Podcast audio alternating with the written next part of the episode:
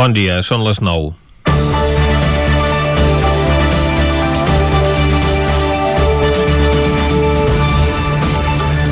Enèsim capítol de les baralles entre Junts per Catalunya i Esquerra Republicana.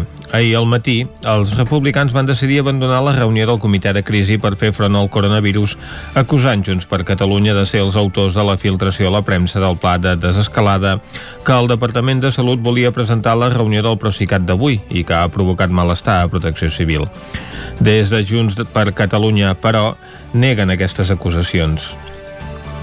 Pel que sembla ser, qui va acabar abandonant la reunió telemàtica va ser el vicepresident i president en funcions Pere Aragonès, mentre que van restar connectats els consellers de Salut i Educació i altres càrrecs tècnics.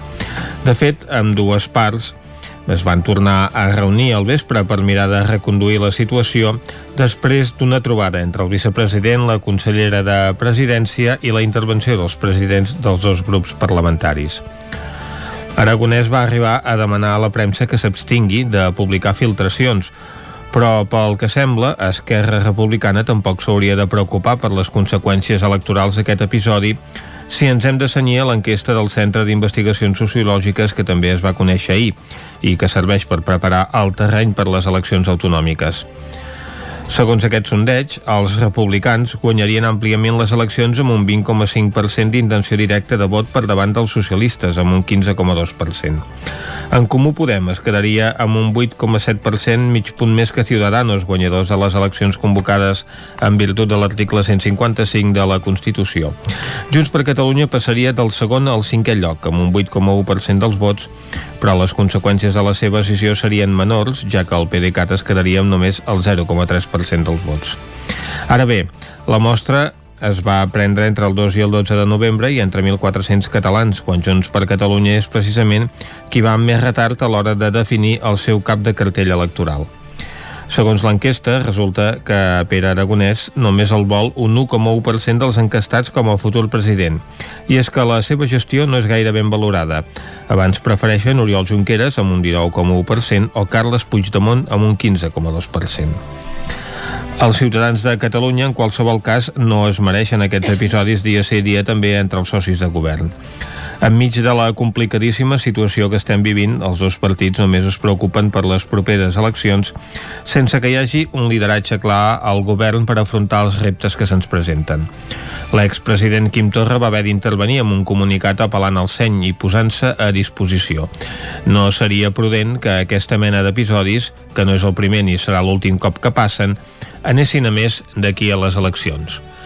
Comencem Territori 17 a la sintonia del 9 FM, Ràdio Cardedeu, La Veu de Sant Joan, Ona Codinenca i el 9 TV. Territori 17, amb Vicenç Vigues i Jordi Sunyer.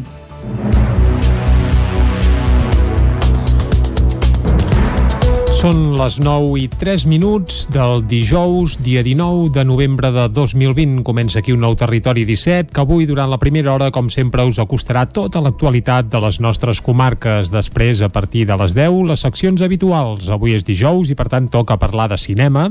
També recuperarem la secció d'Alegria Interior i PNL amb el Jordi Soler, que també ens visitarà, i acabarem al punt de les 12 del migdia amb el racó de pensar amb Maria López. Tot això i moltes coses més més des d'ara mateix i fins això, fins al punt de les 12 del migdia. I com sempre el que fem ara és arrencar tot fent un repàs a l'actualitat de les nostres comarques, les comarques del Ripollès, Osona, el Moianès i el Vallès Oriental.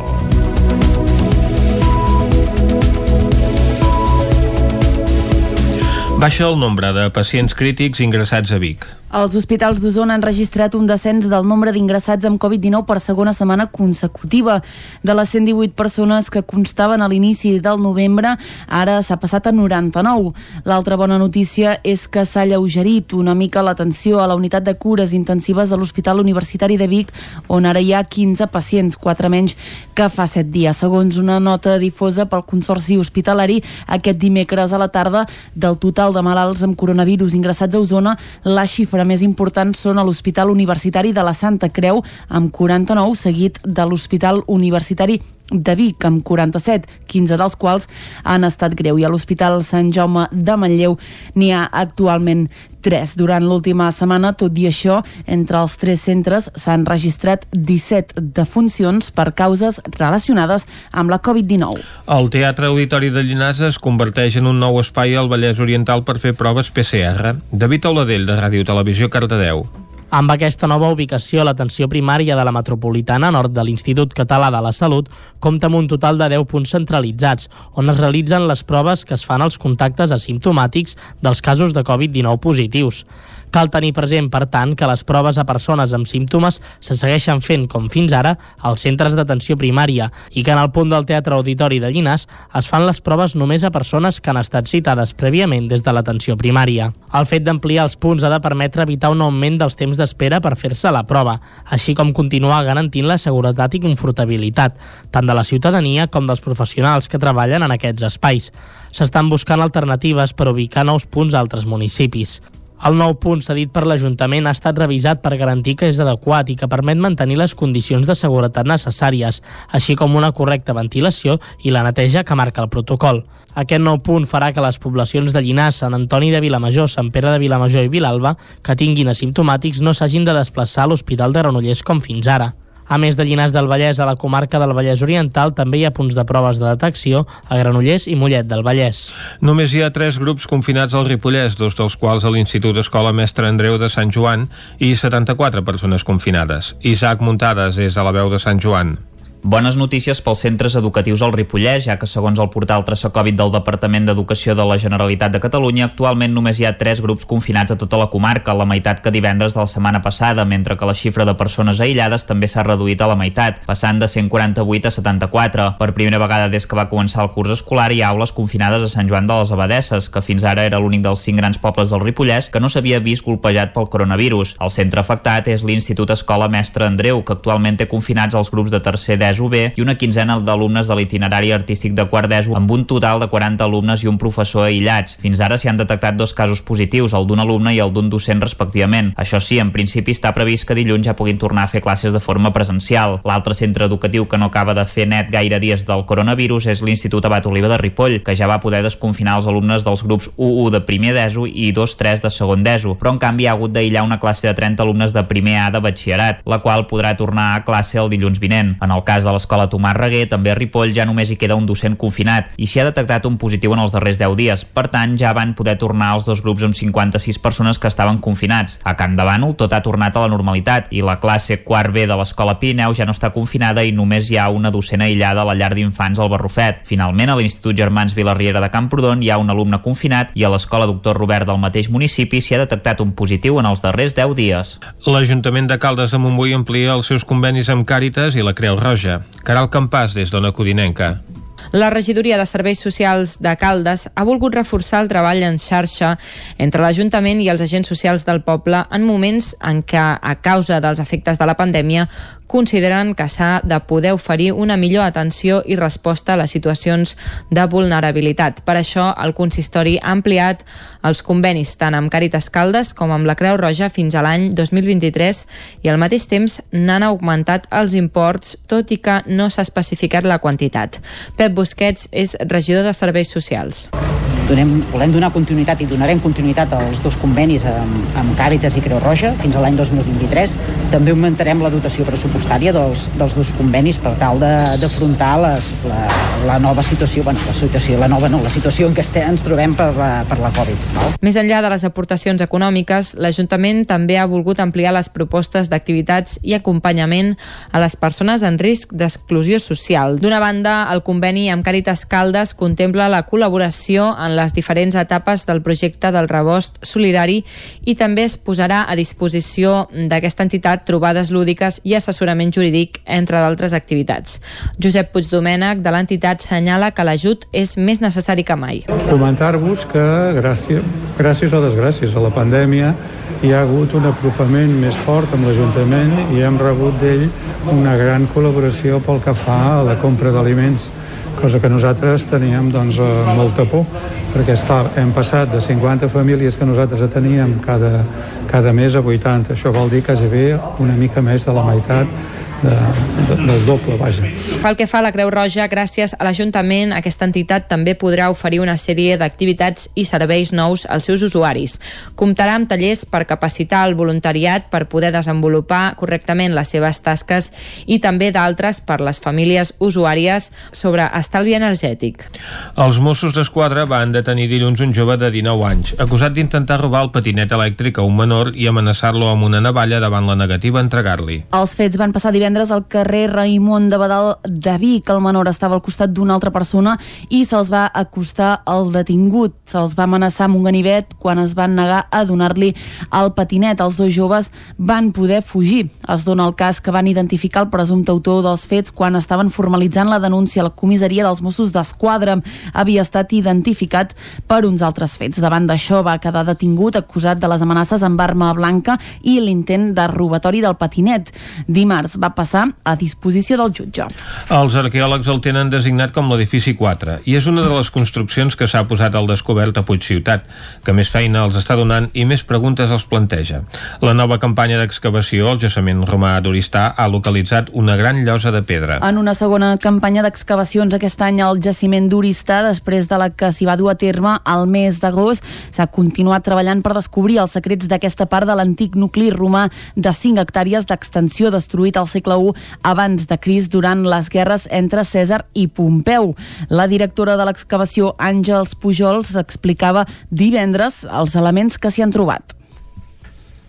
A l'habitació, a l'espai just que hem excavat, ens van sortir unes àmfores raconades contra un dels murs. I aquest fet, juntament amb el que estigui això, eh, obert cap al carrer, ens feia plantejar que poguessin ser botigues. I damunt d'aquesta llosa hem trobat restes de la porta eh, caiguda, de fusta cremada caiguda contra la llosa. Això són dels elements principals, juntament amb aquesta llosa tan gran. Eh? I hem trobat també una, una estructura de combustió, un clot a terra completament rubafectat, que estem pendent de fer analítiques per saber què, què, què s'hi havia estat cremant allà dins. La vida quotidiana de Puigciutat va emergint també amb les ceràmiques com un fragment que ha aparegut d'un plat de l'anomenat roig pompeiam, indici que hi havia una vaixella. Després de la feina de camp, el treball de laboratori continuarà donant informació. Aquest any s'ha celebrat el primer congrés de música d'arrel per tal de posar de manifest la preocupació de noves generacions de músics d'arrel. El cardarauenc Cesc Alexandri hi ha participat, David Auladell, de Ràdio Televisió Cardedeu. Els objectius són analitzar el món de la música i intentar revifar el sector per estendre la música tradicional arreu del territori. En aquest context, el cardedeuenc Cesc Alexandri ha participat en una de les ponències per explicar la recuperació de les músiques del Ball de Gitanes de Cardedeu i quines directrius van seguir. Cesc Alexandri, compositor d'algunes peces del Ball de Gitanes de Cardedeu. Partíem d'un material que teníem, que eren fotografies i arxius a l'arxiu del museu, partíem de llibres i articles antics de primers del segle XX i més moderns, però ens faltava una cosa molt important. Ens faltava el testimoni de les persones que havien ballat, havien viscut les gitanes, perquè a Cardeu van deixar de fer-se als anys 20-30 del segle passat. Per sort, a la comarca hi ha tres pobles que van recuperar les gitanes molt abans que nosaltres, que van ser Sant Esteve de Palauturs de l'any 1980, Sant Celoni el 1981 i Llinars del Vallès el 92. Aquests pobles sí que havien pogut comptar amb testimonis de gent que havien viscut les, les gitanes i que, per tant, van poder extreure'n eh, músiques, danses, maneres de fer-les, tota una sèrie de, de coses que eren importants per poder refer les gitanes en aquests moments. Què vam fer nosaltres? Doncs, evidentment, demanar ajuda a aquests pobles. Ep, veniu cap aquí, expliqueu-nos què heu fet. A partir d'aquí es van crear unes comissions que van estar un any treballant. En el cas de la música es van definir tres directrius. La tradició per aprofitar al màxim el que sabien de les gitanes de Cardedeu, la vinculació per tenir una relació amb altres grups de gitanes i la creació per innovar amb material nou. Una de les coses que tenien clares era que a la cercavila inicial no es podien tocar músiques d'altres gitanes per no confondre la banda sonora creada per Cardedeu. Les restriccions decretades per la crisi sanitària en l'àmbit cultural han impedit que Useses faci el tancament de gira que tenia previst del disc Fills de les Estrelles. El grup usonenc ha anul·lat l'actuació programada pel 28 de novembre al Teatre Condal de Barcelona. La fi de la gira ha constat finalment en la publicació al seu canal de YouTube del videoclip de la canció Invasió Terrícola escola. En un comunicat, Obeses han explicat que la complexitat de la situació de pandèmia i la incertesa de la seva evolució i de com canviaran les mesures els han fet prendre aquesta decisió que també implica anul·lar el concert que havien de fer aquest proper cap de setmana a Gironella amb la Copla Berga Jove. La formació lidera, liderada perdoneu, per Arnau Tordera se centra ara en la preparació del seu proper disc. I fins aquí el butlletí de notícies que us hem ofert amb les veus de Vicenç Vigues, Clàudia Dinarès, David Auladell, Caral Campàs i Isaac Muntades. I ara en un matí que almenys a la plana de Vic s'ha llevat boirós, el que toca és saber el temps que ens espera per les properes hores, saber si escamparà la boira. Això ens ho explicarà el Pep Acosta.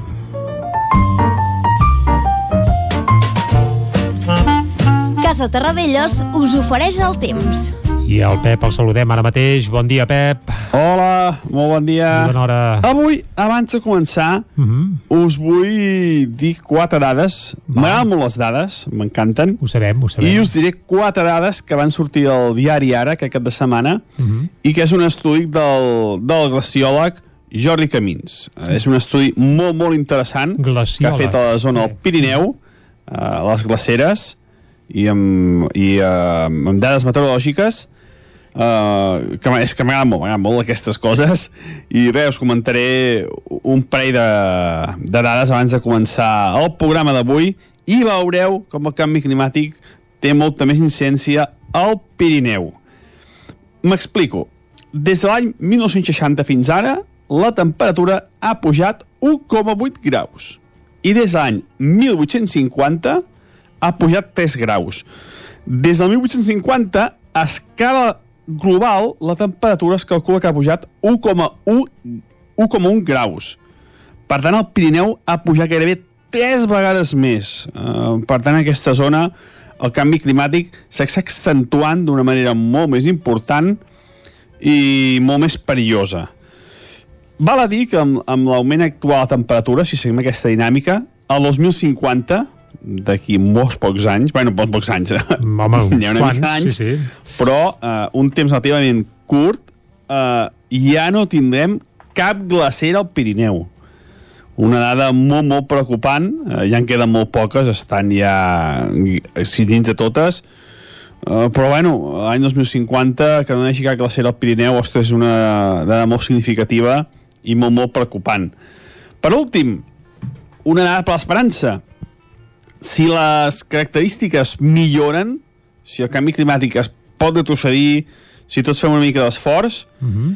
les glaceres tornen, perquè a l'any 1850, als Estats Units, 1800, 1980, perdó, el 1980, hi va haver una erupció al volcà Santa Helena, als Estats Units, i actualment hi ha una glacera amb una llengua que té 3 quilòmetres de longitud. Vull dir que les glaceres tornen. Si les característiques climàtiques són bones, tornarien. Per tant, encara estem a temps d'evitar de, aquest retrocediment imparable a les glaceres i, i que hi torni a haver-hi un augment de, de gel a les comarques a les, a les regions del Pirineu. Pirineu. Mm -hmm. Per tant, està a les nostres mans eh, que aquest de aquest retrocediment de les glaceres no es compleixi. Són dades molt importants, això, eh? Mm -hmm. El Pirineu, temperatura ha pujat tres vegades més gairebé que, que la resta del món. És un lloc on el canvi climàtic hi està fent una incidència molt, molt important. Això, eh, el diari Ara d'aquest cap de setmana han sortit aquestes dades eh, molt interessants i que esperem que puguin retrocedir eh, aquest canvi climàtic pugui retrocedir gràcies a tots nosaltres. Anem pel temps d'avui, que, bueno, que temps, ja el va. sabeu gairebé tots, perquè no, no canvia la cosa de moment aquest matí molta tranquil·litat, inversió tèrmica, Boira, ho dèiem, sí. temperatures més baixes a les valls, on s'acumula aire fred que a dalt de les zones més elevades, a les nostres comarques, en definitiva, anticicló, una mica de boira, mmm, mateix panorama, mateixa situació que aquests últims dies. De cara a la tarda, mm. canvi de temps. Ah, sí? Entre vent de nord, s'emportarà totes les boires i boirines que quedin. Ja va bé. Al migdia serà molt, molt suau, 21-22 graus a les zones més càlides, entre 18 i 20 a resta, unes temperatures d'escàndol, diria jo, mm -hmm. per aquestes dates en les que estem. i notarem la refrescada, notarem el vent de nord, sobretot la nit, aquesta nit, de la nit de dijous a divendres, és quan es notarà més aquesta refrescada. Moltes gràcies. Adeu. Vinga, adeu. A la nit no ho notarem gaire perquè a partir de les 10 tots a casa, però vaja, demà ens llevarem i segurament farà més fresca. Moltes gràcies. Anem ara cap a fer un cop d'ull a les portades dels diaris de la premsa del dia. Anem-hi. Casa Tarradellas us ha ofert aquest espai. Territori 17. Envia'ns les teves notes de veu per WhatsApp al 646 079 023. 646 079 023. WhatsApp Territori 17.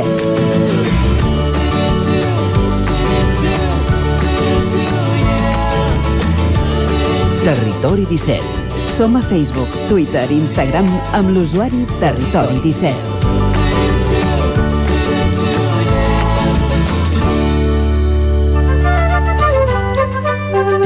Anem, doncs, cap al quiosc per veure què treuen avui en portada els diaris, Clàudia. Bon dia de nou, comencem com sempre amb el punt avui que diu crisi sobre crisi, nou enfrontament en el govern per la filtració de la proposta de desescalada. Esquerra Republicana abandona al matí el comitè de crisi de la Covid i exigeix lleialtat a Junts per Catalunya. Aragonès i Budó pacten una treva i la reunió s'acaba fent al vespre. La imatge, el Glòria aixeca nous jaciments al litoral català. Dos arqueòlegs asseguren les restes d'un vaixell d'època contemporània trobat a la platja del Racó eh, pel seu trasllat. Més coses, el 6 dona la victòria Esquerra Republicana a les eleccions del 14 de febrer i el segon lloc el li dona al PSC. Un nou vídeo mostra el terror viscut a la Rambla el 17 d'agost i Marlaska es compromet a investigar les filtracions del cas Volkov. El diari Ara la fractura del govern diu s'agreuja pel coronavirus. La filtració del pla de desescalada obre una nova crisi de confiança entre els consellers d'Esquerra i de Junts per Catalunya. Treballa atura les convocatòries d'ajudes que seguien el mateix criteri que la dels autònoms. A la imatge diu del port de la Vergonya els barracons cua d'immigrants al port d'Arguineguín a Gran Canària, des d'on el Ministeri de l'Interior ha començat a traslladar-los per instal·lar-los en barracons. En tornarem a parlar. Més titulars de l'ara, Lleida i l'àrea de Barcelona tiren del carro de l'economia. Brussel·les alerta del deute públic espanyol i Trump alerta fa fora el càrrec que va dir que no hi havia frau. És la manera de negar-lo. anem al periòdico que parla d'un trist espectacle. La meitat republicana del govern planta la de Junts per Catalunya i l'acusa de filtrar la desescalada. Les dues parts negocien in extremis una treva després de l'esclat en el comitè de crisi. El Omrani, per la seva banda, es disculpa, però rebutja dimitir. Uh, encara en termes de pandèmia, 100.000 morts, diuen la segona onada de la pandèmia a Europa. Hi ha la imatge i veiem a un futbolista de base, diu ansiosos per tornar. Uh, hi veiem el Romà, ell és del club de futbol l'Eixample, doncs, que s'entrena xutant als parcs o doncs, fent uh, entrenaments com pot a dins de casa. La Unió Europea, un altre titular, avala els comptes de Sánchez, però alerta de l'elevat deute i Trump s'encastella a la Casa Blanca i purga a qui el contradiu. La Vanguardia diu Sánchez podrà decidir els indults i la reforma de la sedició abans del 14 de febrer.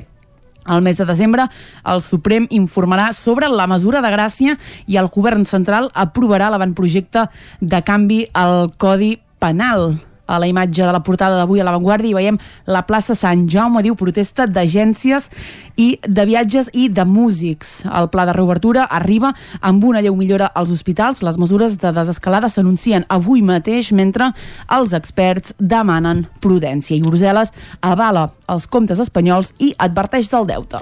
Anem a Madrid a veure què treuen els seus diaris en portada. Comencem amb el país que entrevista Barack Obama, expresident dels Estats Units, que diu Trump ha fet molt mal als Estats Units, però també a la resta del món. Veiem el cas de l'assumpte Basterra, segurament el recordeu. Liu, la mare de la nena diu eh, ha estat trobada morta a la seva cel·la. En tornarem a parlar d'aquí una mica. Els fiscals, diu, dirigiran les investigacions penals en comptes dels jutges. Sanitat obre la porta, ara sí, els tests de Covid a les farmàcies i el Partit Socialista veu com a una deslleialtat l'esmena de Podem amb Esquerra i amb Bildu.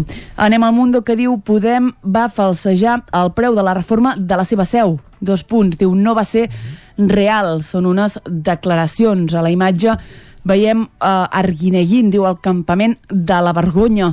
Més de 2.300 immigrants es troben en només 400 metres quadrats, molts sense un sostre per poder dormir. Grande Marlaska diu que només hi passen 72 hores, però alguns hi porten 25 dies, la majoria sense poder-se canviar ni de roba. I Justícia entrega ara als fiscals la investigació penal amb Delgado al capdavant el Ministeri Públic tindrà també el poder de controlar la informació que arriba dels mitjans. Anem acabant, anem a la raó que diu Rabat avisa Sánchez, l'actitud d'Iglesias no ajuda el vicepresident a fa enfadar al Marroc pel seu suport a un referèndum al Sàhara. L'exadministrador de Neurones desmarca ara dels pagaments sota sospita de Podemos i un alt càrrec d'Illa va exercir vuit mesos sense suport legal. Aquí tornem a parlar del cas d'Assumpta Basterra. Diu Presons va retirar a la mare d'Assumpta el protocol antisuïcidi.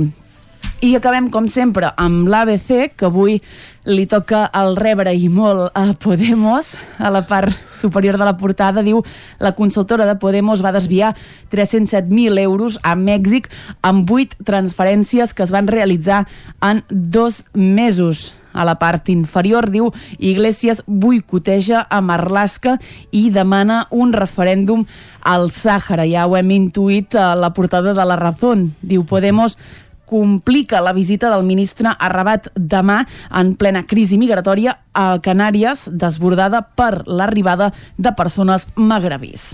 Podemos rep fort avui a les portades dels diaris de la triple dreta mediàtica madrilenya i a més a més amb alguns d'ells doncs, com la Razón o l'ABC per partida doble, tant sigui pel seu finançament, pel cas de la política internacional i de la crisi que s'està vivint a la Sàhara. El cas és que avui és el blanc de les crítiques dels diaris, mentre que d'altres es fixen doncs, amb la situació que s'està vivint a les Canàries amb aquesta arribada d'immigrants, que és la foto que apareix en més portades d'avui. També veiem l'entrevista a Barack Obama al país o aquesta protesta a la plaça Sant Jaume de nous col·lectius que es veuen doncs, perjudicats per les mesures restrictives que adopta el govern de la Generalitat.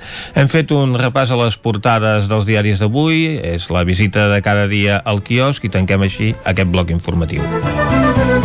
Territori 17 El nou FM, la ràdio de casa, al 92.8. El nou FM.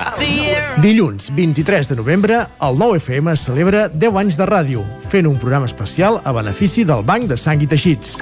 Per venir a donar sang a la seu del 9-9, de dos quarts de 5 de la tarda a les 8 del vespre, truqueu al 677 071 756 o apunteu-vos a donarsang.gencat.cat 677 071 756. Dilluns 23 de novembre, programa especial de 10 anys del 9FM, a partir de dos quarts de 5 de la tarda. El 9FM, 10 anys, compartint ràdio. Les bones decisions tenen premi.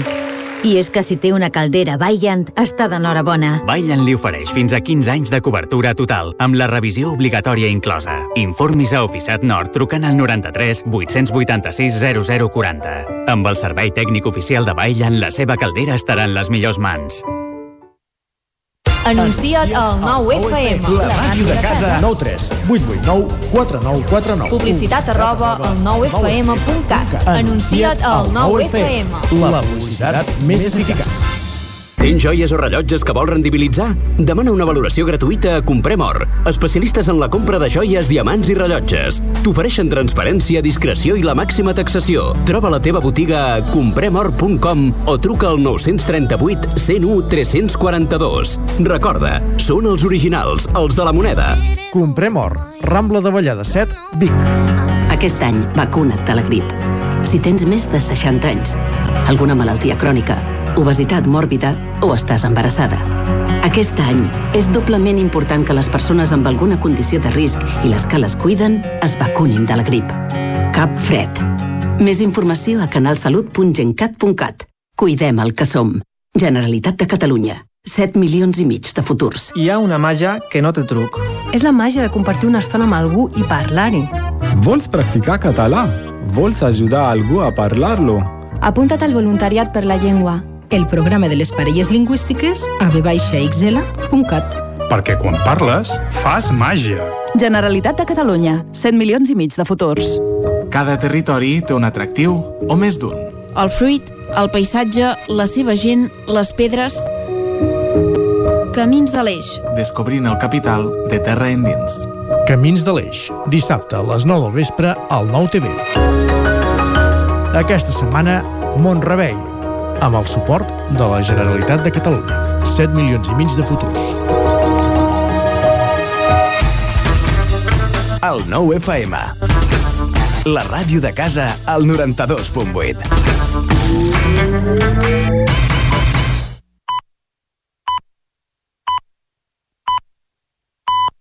Territori 17, amb Vicenç Vigues i Jordi Sunyer. Dos quarts de deu en punt del dijous 19 de novembre de 2020. Seguim en directe aquí a Territori 17 i el que farem ara és acostar-vos altra vegada de nou tota l'actualitat de les nostres comarques. Després, a partir de les 10, ens queden les seccions habituals i, evidentment, també tenir-vos al corrent de totes les novetats informativament parlant dels nostres territoris. Avui, entre d'altres, aquí a Territori 17 ens hi espera la secció de cinema, no pas per anar al cinema, aquest cap de setmana encara estaran tancats. Veurem si a partir de la setmana vinent comencen a reobrir, que sembla que sí, però nosaltres parlarem de cinema igualment, com fem cada dijous amb la Núria Lázaro. Ens vindrà a visitar també el Jordi Soler per alegrar-nos interiorment.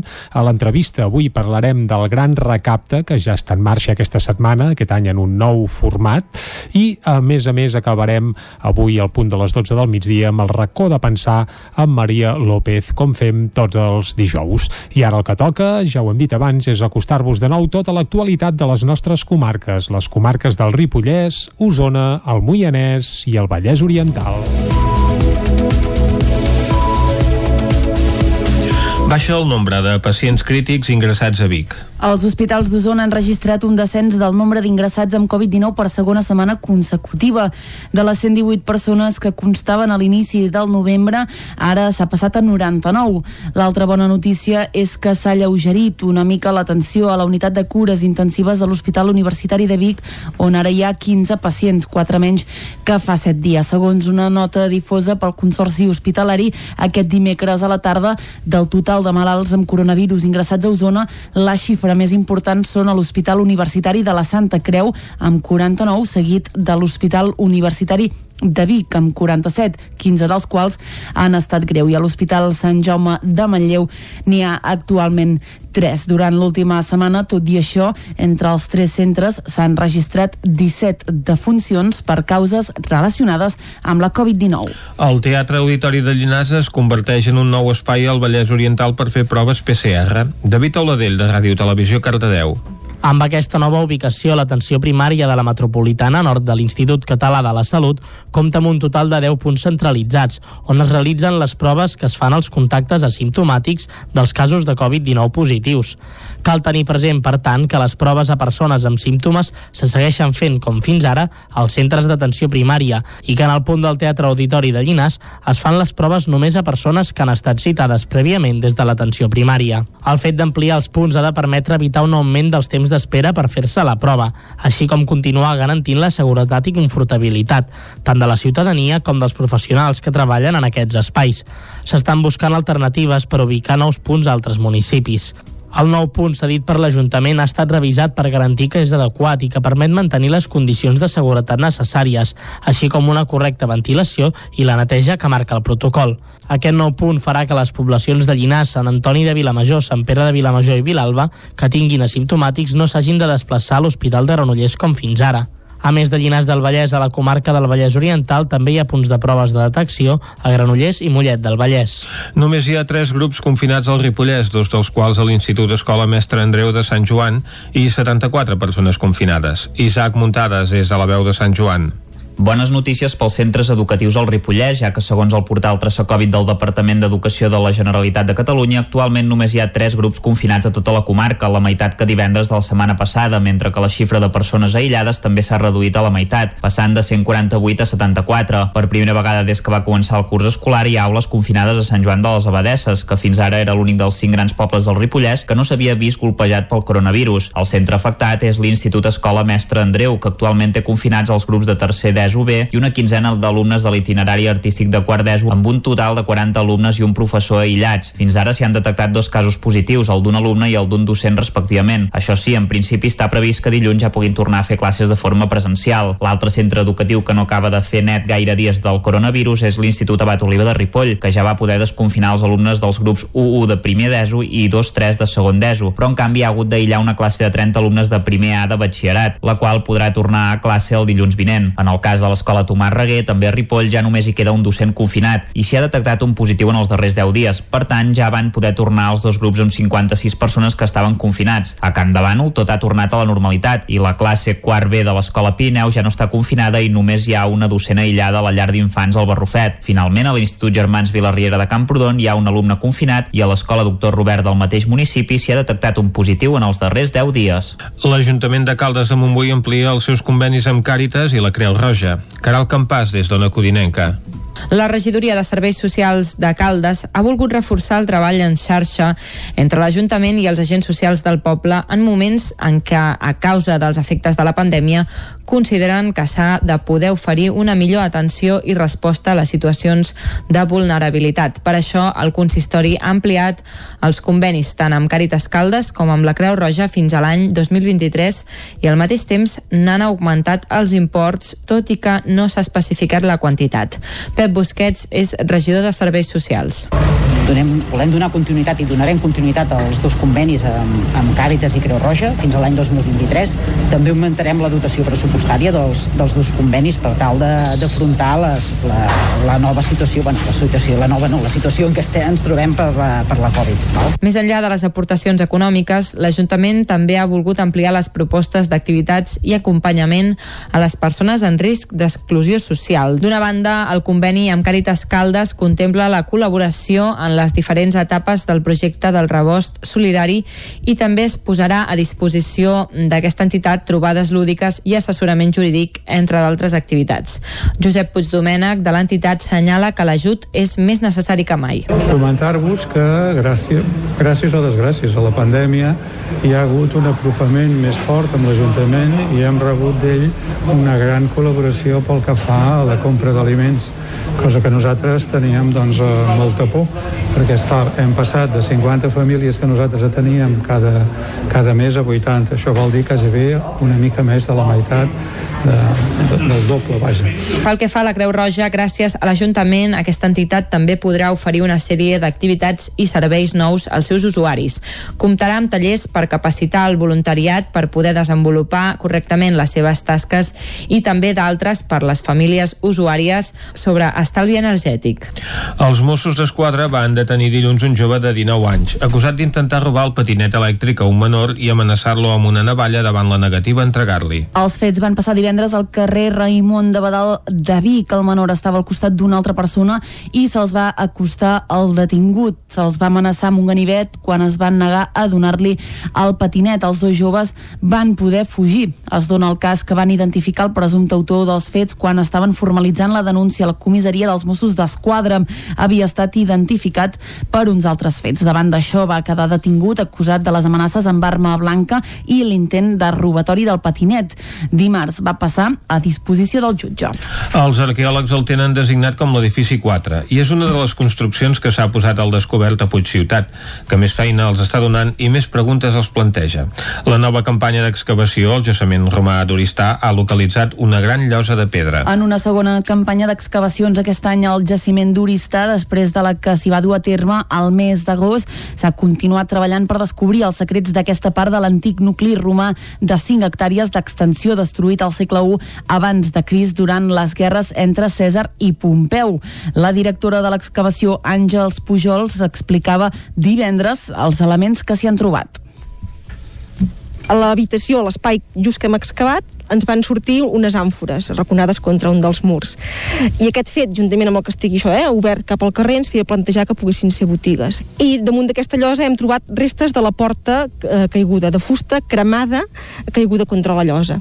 Això són dels elements principals, juntament amb aquesta llosa tan gran. Eh? I hem trobat també una, una estructura de combustió, un clot a terra completament rubafectat, que estem pendent de fer analítiques per saber què, què, què s'hi havia estat cremant allà dins. La vida quotidiana de Puigciutat va emergint també amb les ceràmiques com un fragment que ha aparegut d'un plat de l'anomenat Roig Pompeià, indici que hi havia una vaixella. Després de la feina de camp, el treball de laboratori continuarà donant informació. Aquest any s'ha celebrat el primer congrés de música d'arrel per tal de posar de manifest la preocupació de noves generacions de músics d'arrel. El cardarauenc Cesc Alexandri hi ha participat, David Auladell, de Ràdio Televisió Cardedeu. Els objectius són analitzar el món de la música i intentar revifar el sector per estendre la música tradicional arreu del territori. En aquest context, el cardedeuenc Cesc Alexandri ha participat en una de les ponències per explicar la recuperació de les músiques del Vall de Gitanes de Cardedeu i quines directrius van seguir. Cesc Alexandri, compositor d'algunes peces del Vall de Gitanes de Cardedeu. Partíem d'un material que teníem, que eren fotografies i arxius a l'arxiu del museu, partíem de llibres i articles antics de primers del segle XX i més moderns, però ens faltava una cosa molt important, ens faltava el testimoni de les persones que havien ballat o havien viscut les gitanes perquè a Cardeu van deixar de fer-se als anys 20-30 del segle passat. Per sort, a la comarca hi ha tres pobles que van recuperar les gitanes molt abans que nosaltres, que van ser Sant Esteve de Palautordera l'any 1980, Sant Celoni el 1981 i Llinars del Vallès el 92. Aquests pobles sí que havien pogut comptar amb testimonis de gent que havien viscut les, les gitanes i que, per tant, van poder extreure'n eh, músiques, danses, maneres de fer-les, tota una sèrie de, de coses que eren importants per poder refer les gitanes en aquests moments. Què vam fer nosaltres? Doncs, evidentment, demanar ajuda a aquests pobles. Ep, veniu cap aquí, expliqueu-nos què heu fet. A partir d'aquí es van crear unes comissions que van estar un any treballant. En el cas de la música es van definir tres directrius. La tradició per aprofitar al màxim el que sabien de les gitanes de Cardedeu, la vinculació per tenir una relació amb altres grups de gitanes i la creació per innovar amb material nou. Una de les coses que tenien clares era que a la cercavila inicial no es podien tocar músiques d'altres gitanes per no confondre la banda sonora creada per Cardedeu. Les restriccions decretades per la crisi sanitària en l'àmbit cultural han impedit que Useses faci el tancament de gira que tenia previst del disc Fills de les Estrelles. El grup usonenc ha anul·lat l'actuació programada pel 28 de novembre al Teatre Condal de Barcelona. La fi de la gira ha constat finalment en la publicació al seu canal de YouTube del videoclip de la canció Invasió Terrícola pel·lícula. En un comunicat, Obeses han explicat que la complexitat de la situació de pandèmia i la incertesa de la seva evolució i de com canviaran les mesures els han fet prendre aquesta decisió que també implica anul·lar el concert que havien de fer aquest proper cap de setmana a Gironella amb la Copla Berga Jove. La formació lidera, liderada perdoneu, per Arnau Tordera se centra ara en la preparació del seu proper disc. I fins aquí el butlletí de notícies que us hem ofert amb les veus de Vicenç Vigues, Clàudia Dinarès, David Auladell, Caral Campàs i Isaac Muntades. I ara en un matí que almenys a la plana de Vic s'ha llevat boirós, el que toca és saber el temps que ens espera per les properes hores, saber si escamparà la boira. Això ens ho explicarà el Pep Acosta.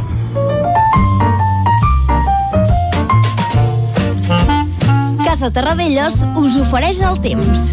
I el Pep el saludem ara mateix. Bon dia, Pep. Hola, molt bon dia. Bona hora. Avui, abans de començar, uh Mhm. -huh. us vull dir quatre dades. M'agraden molt les dades, m'encanten. Ho sabem, ho sabem. I us diré quatre dades que van sortir al diari ara, aquest cap de setmana, uh Mhm. -huh. i que és un estudi del, del glaciòleg Jordi Camins. Uh, és un estudi molt, molt interessant Glaciòleg. que ha fet a la zona del Pirineu, uh, a les glaceres, i amb, i, uh, amb dades meteorològiques Uh, que és que m'agraden molt, m'agraden molt aquestes coses.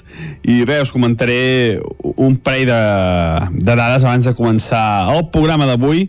I veureu com el canvi climàtic té molta més incidència al Pirineu. M'explico. Des de l'any 1960 fins ara la temperatura ha pujat 1,8 graus. I des de l'any 1850 ha pujat 3 graus. Des del 1850 a escala global, la temperatura es calcula que ha pujat 1,1 graus. Per tant, el Pirineu ha pujat gairebé 3 vegades més. Uh, per tant, aquesta zona el canvi climàtic s'està accentuant d'una manera molt més important i molt més perillosa.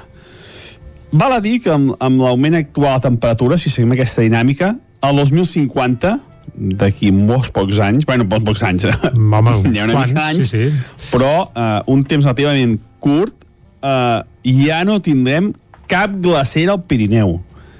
Una dada molt, molt preocupant, eh, ja en queden molt poques, estan ja si dins de totes, Uh, però bueno, l'any 2050 que no hi hagi cap glacera al Pirineu ostres, és una dada molt significativa i molt, molt preocupant per últim, una dada per l'esperança si les característiques milloren si el canvi climàtic es pot retrocedir si tots fem una mica d'esforç les glaceres tornen perquè a l'any 1850 als Estats Units 1800, 1980, perdó, el 1980 hi va haver una erupció al volcà Santa Helena als Estats Units i actualment hi ha una glacera amb una llengua que té 3 quilòmetres de longitud. Vull dir que les glaceres tornen. Si les característiques climàtiques són bones, tornarien. Mm, Per tant, encara estem a temps de- d'evitar aquest retrocediment imparable a les glaceres i, i que hi torni a haver-hi un augment de, de gel a les comarques a les, a les regions del Pirineu. Mm Per tant, està a les nostres mans eh, que aquest de, aquest retrocediment de les glaceres no es compleixi. Són dades molt importants, això, eh? Al Pirineu la temperatura ha pujat tres vegades més gairebé que, que la resta del món. És un lloc on el canvi climàtic hi està fent una incidència molt, molt important. Això, eh? El diari Ara d'aquest cap de setmana han sortit aquestes dades eh, molt interessants i que esperem que puguin retrocedir uh, aquest canvi climàtic pugui retrocedir gràcies a tots nosaltres. Anem pel temps d'avui, que, bueno, pel que temps, ja el va. sabeu gairebé tots, perquè no, no canvia la cosa. De moment, aquest matí, molta tranquil·litat, inversió tèrmica, Boira, ho dèiem, sí. temperatures més baixes a les valls, on s'acumula aire fred que a dalt de les zones més elevades, a les nostres comarques, en definitiva, anticicló, una mica de boira, mmm, mateix panorama, mateixa situació que aquests últims dies. De cara a la tarda, mm. canvi de temps. Ah, sí? Entre vent de nord, s'emportarà totes les boires i boirines que quedin. Ja va bé. Al migdia serà molt, molt suau, 21-22 graus a les zones més càlides, entre 18 i 20 a la resta, unes temperatures d'escàndol, diria jo, mm -hmm. per aquestes dates en les que estem. I notarem la refrescada, notarem el vent de nord, sobretot la nit, aquesta nit, de la nit de dijous a divendres, és quan es notarà més aquesta refrescada. Moltes gràcies. Adeu. Vinga, adeu. A la nit no ho notarem gaire perquè a partir de les 10 tots a casa, però vaja, demà ens llevarem i segurament farà més fresca. Moltes gràcies. Anem ara cap a fer un cop d'ull a les portades dels diaris de la premsa del dia. Anem-hi. Casa Tarradellas us ha ofert aquest espai. Territori 17. Envia'ns les teves notes de veu per WhatsApp al 646 079 023. 646 079 023. WhatsApp Territori 17.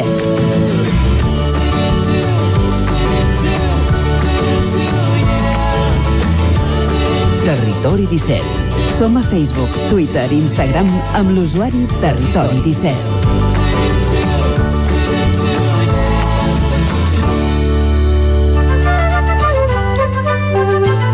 Doncs, cap al quiosc per veure què treuen avui en portada els diaris, Clàudia. Bon dia de nou, comencem com sempre amb el punt avui que diu crisi sobre crisi, nou enfrontament en el govern per la filtració de la proposta de desescalada. Esquerra Republicana abandona al matí el comitè de crisi de la Covid i exigeix lleialtat a Junts per Catalunya. Aragonès i Budó pacten una treva i la reunió s'acaba fent al vespre. La imatge, el Glòria aixeca nous jaciments al litoral català. Dos arqueòlegs asseguren les restes d'un vaixell d'època contemporània trobat a la platja del Racó eh, pel seu trasllat. Més coses, el 6 dona la victòria Esquerra Republicana a les eleccions del 14 de febrer i el segon lloc el li dona al PSC. Un nou vídeo mostra el terror viscut a la Rambla el 17 d'agost i Marlaska es compromet a investigar les filtracions del cas Volkov. El diari Ara la fractura del govern diu s'agreuja pel coronavirus. La filtració del pla de desescalada obre una nova crisi de confiança entre els consellers d'Esquerra i de Junts per Catalunya. Treballa atura les convocatòries d'ajudes que seguien el mateix criteri que la dels autònoms. A la imatge, diu, del port de la Vergonya, els barracons cua d'immigrants al port d'Arguineguín a Gran Canària, des d'on el Ministeri de l'Interior ha començat a traslladar-los per instal·lar-los en barracons. En tornarem a parlar. Més titulars de l'ara, Lleida i l'àrea de Barcelona tiren del carro de l'economia. Brussel·les alerta del deute públic espanyol i Trump alerta fa fora el càrrec que va dir que no hi havia frau. És la manera de negar-lo. anem al periòdico que parla d'un trist espectacle. La meitat republicana del govern planta la de Junts per Catalunya i l'acusa de filtrar la desescalada. Les dues parts negocien in extremis una treva després de l'esclat en el comitè de crisi. El Omrani, per la seva banda, es disculpa, però rebutja dimitir. Uh, encara en termes de pandèmia, 100.000 morts, diuen la segona onada de la pandèmia a Europa. I a la imatge hi veiem a un futbolista de base, diu ansiosos per tornar.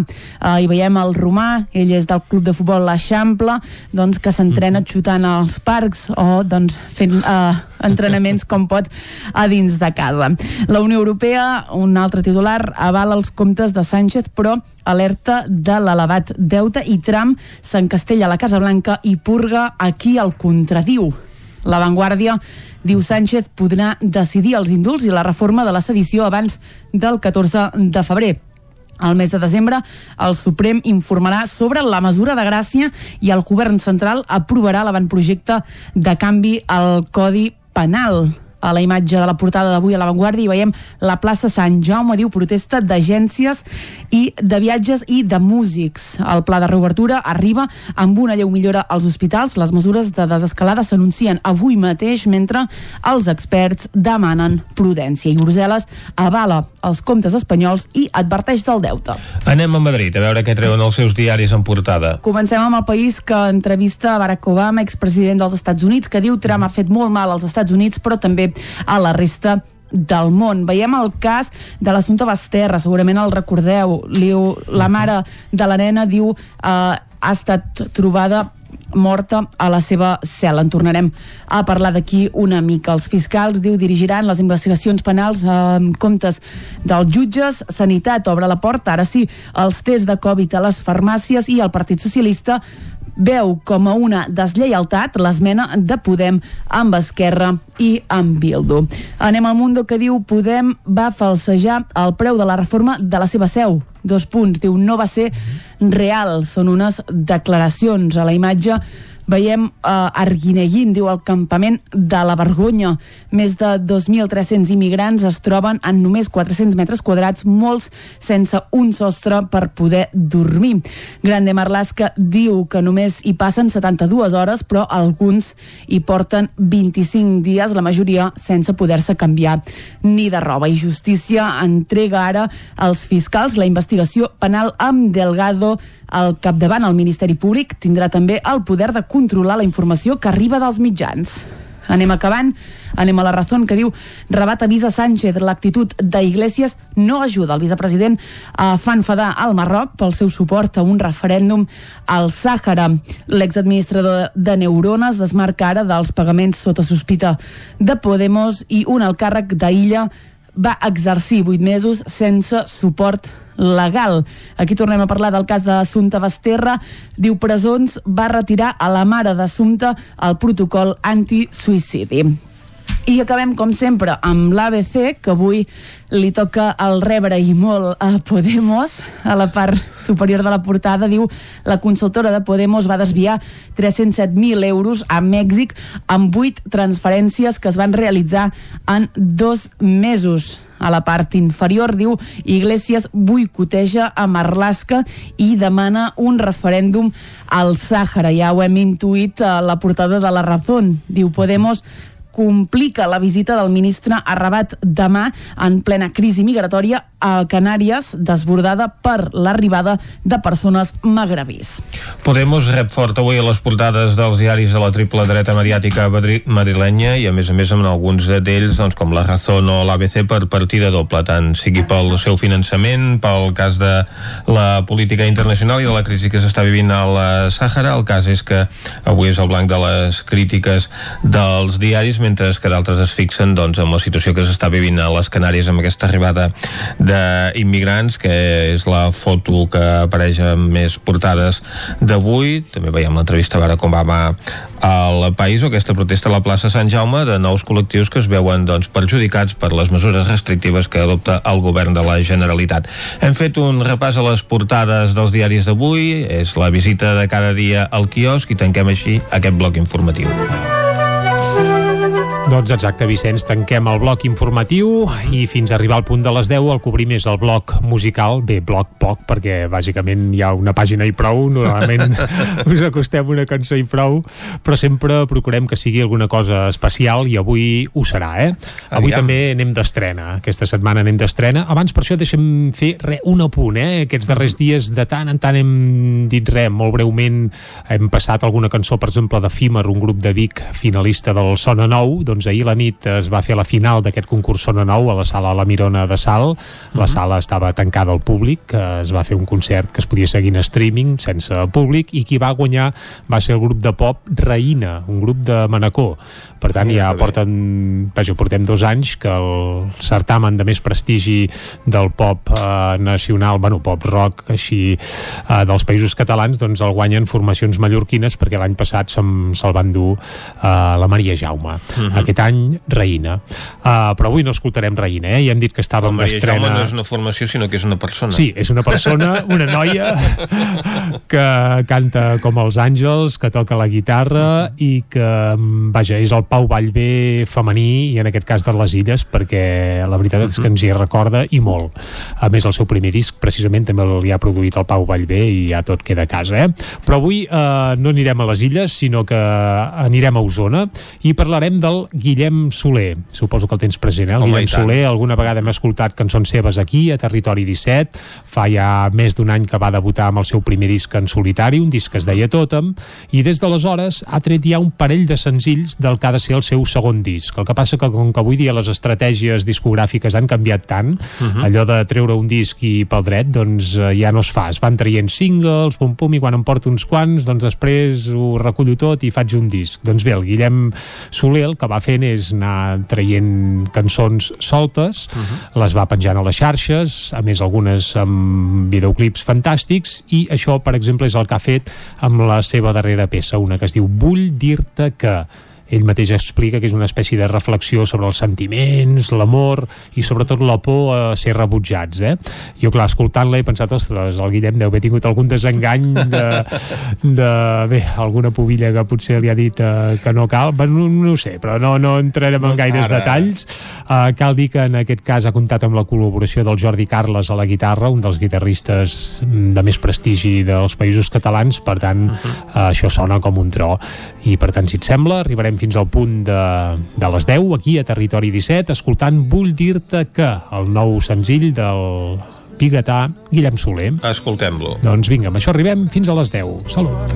I que no bati de delit i sense cendres de passió sols et vull dir que t'estimo. Tap, tap, tarap, tap, tap. Tap, tap, tarap, tap, tap. T'estimo. Tap, tap, tarap, tap, tap. Vull dir-te que oh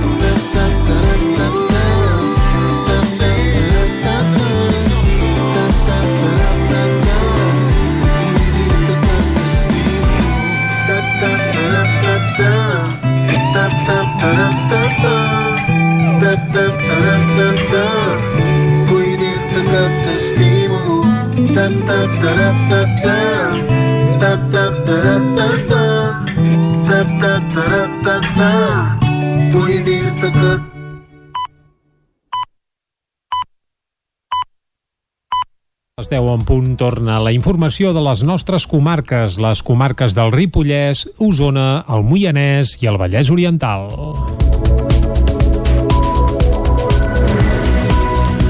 La caiguda de gairebé el 7% del nombre d'empreses respecte a l'any passat i una xifra de salariats que es manté superant la mitjana catalana però que inclou les gairebé 2.300 persones que estaven en ERTO a Osona a finals del mes d'octubre.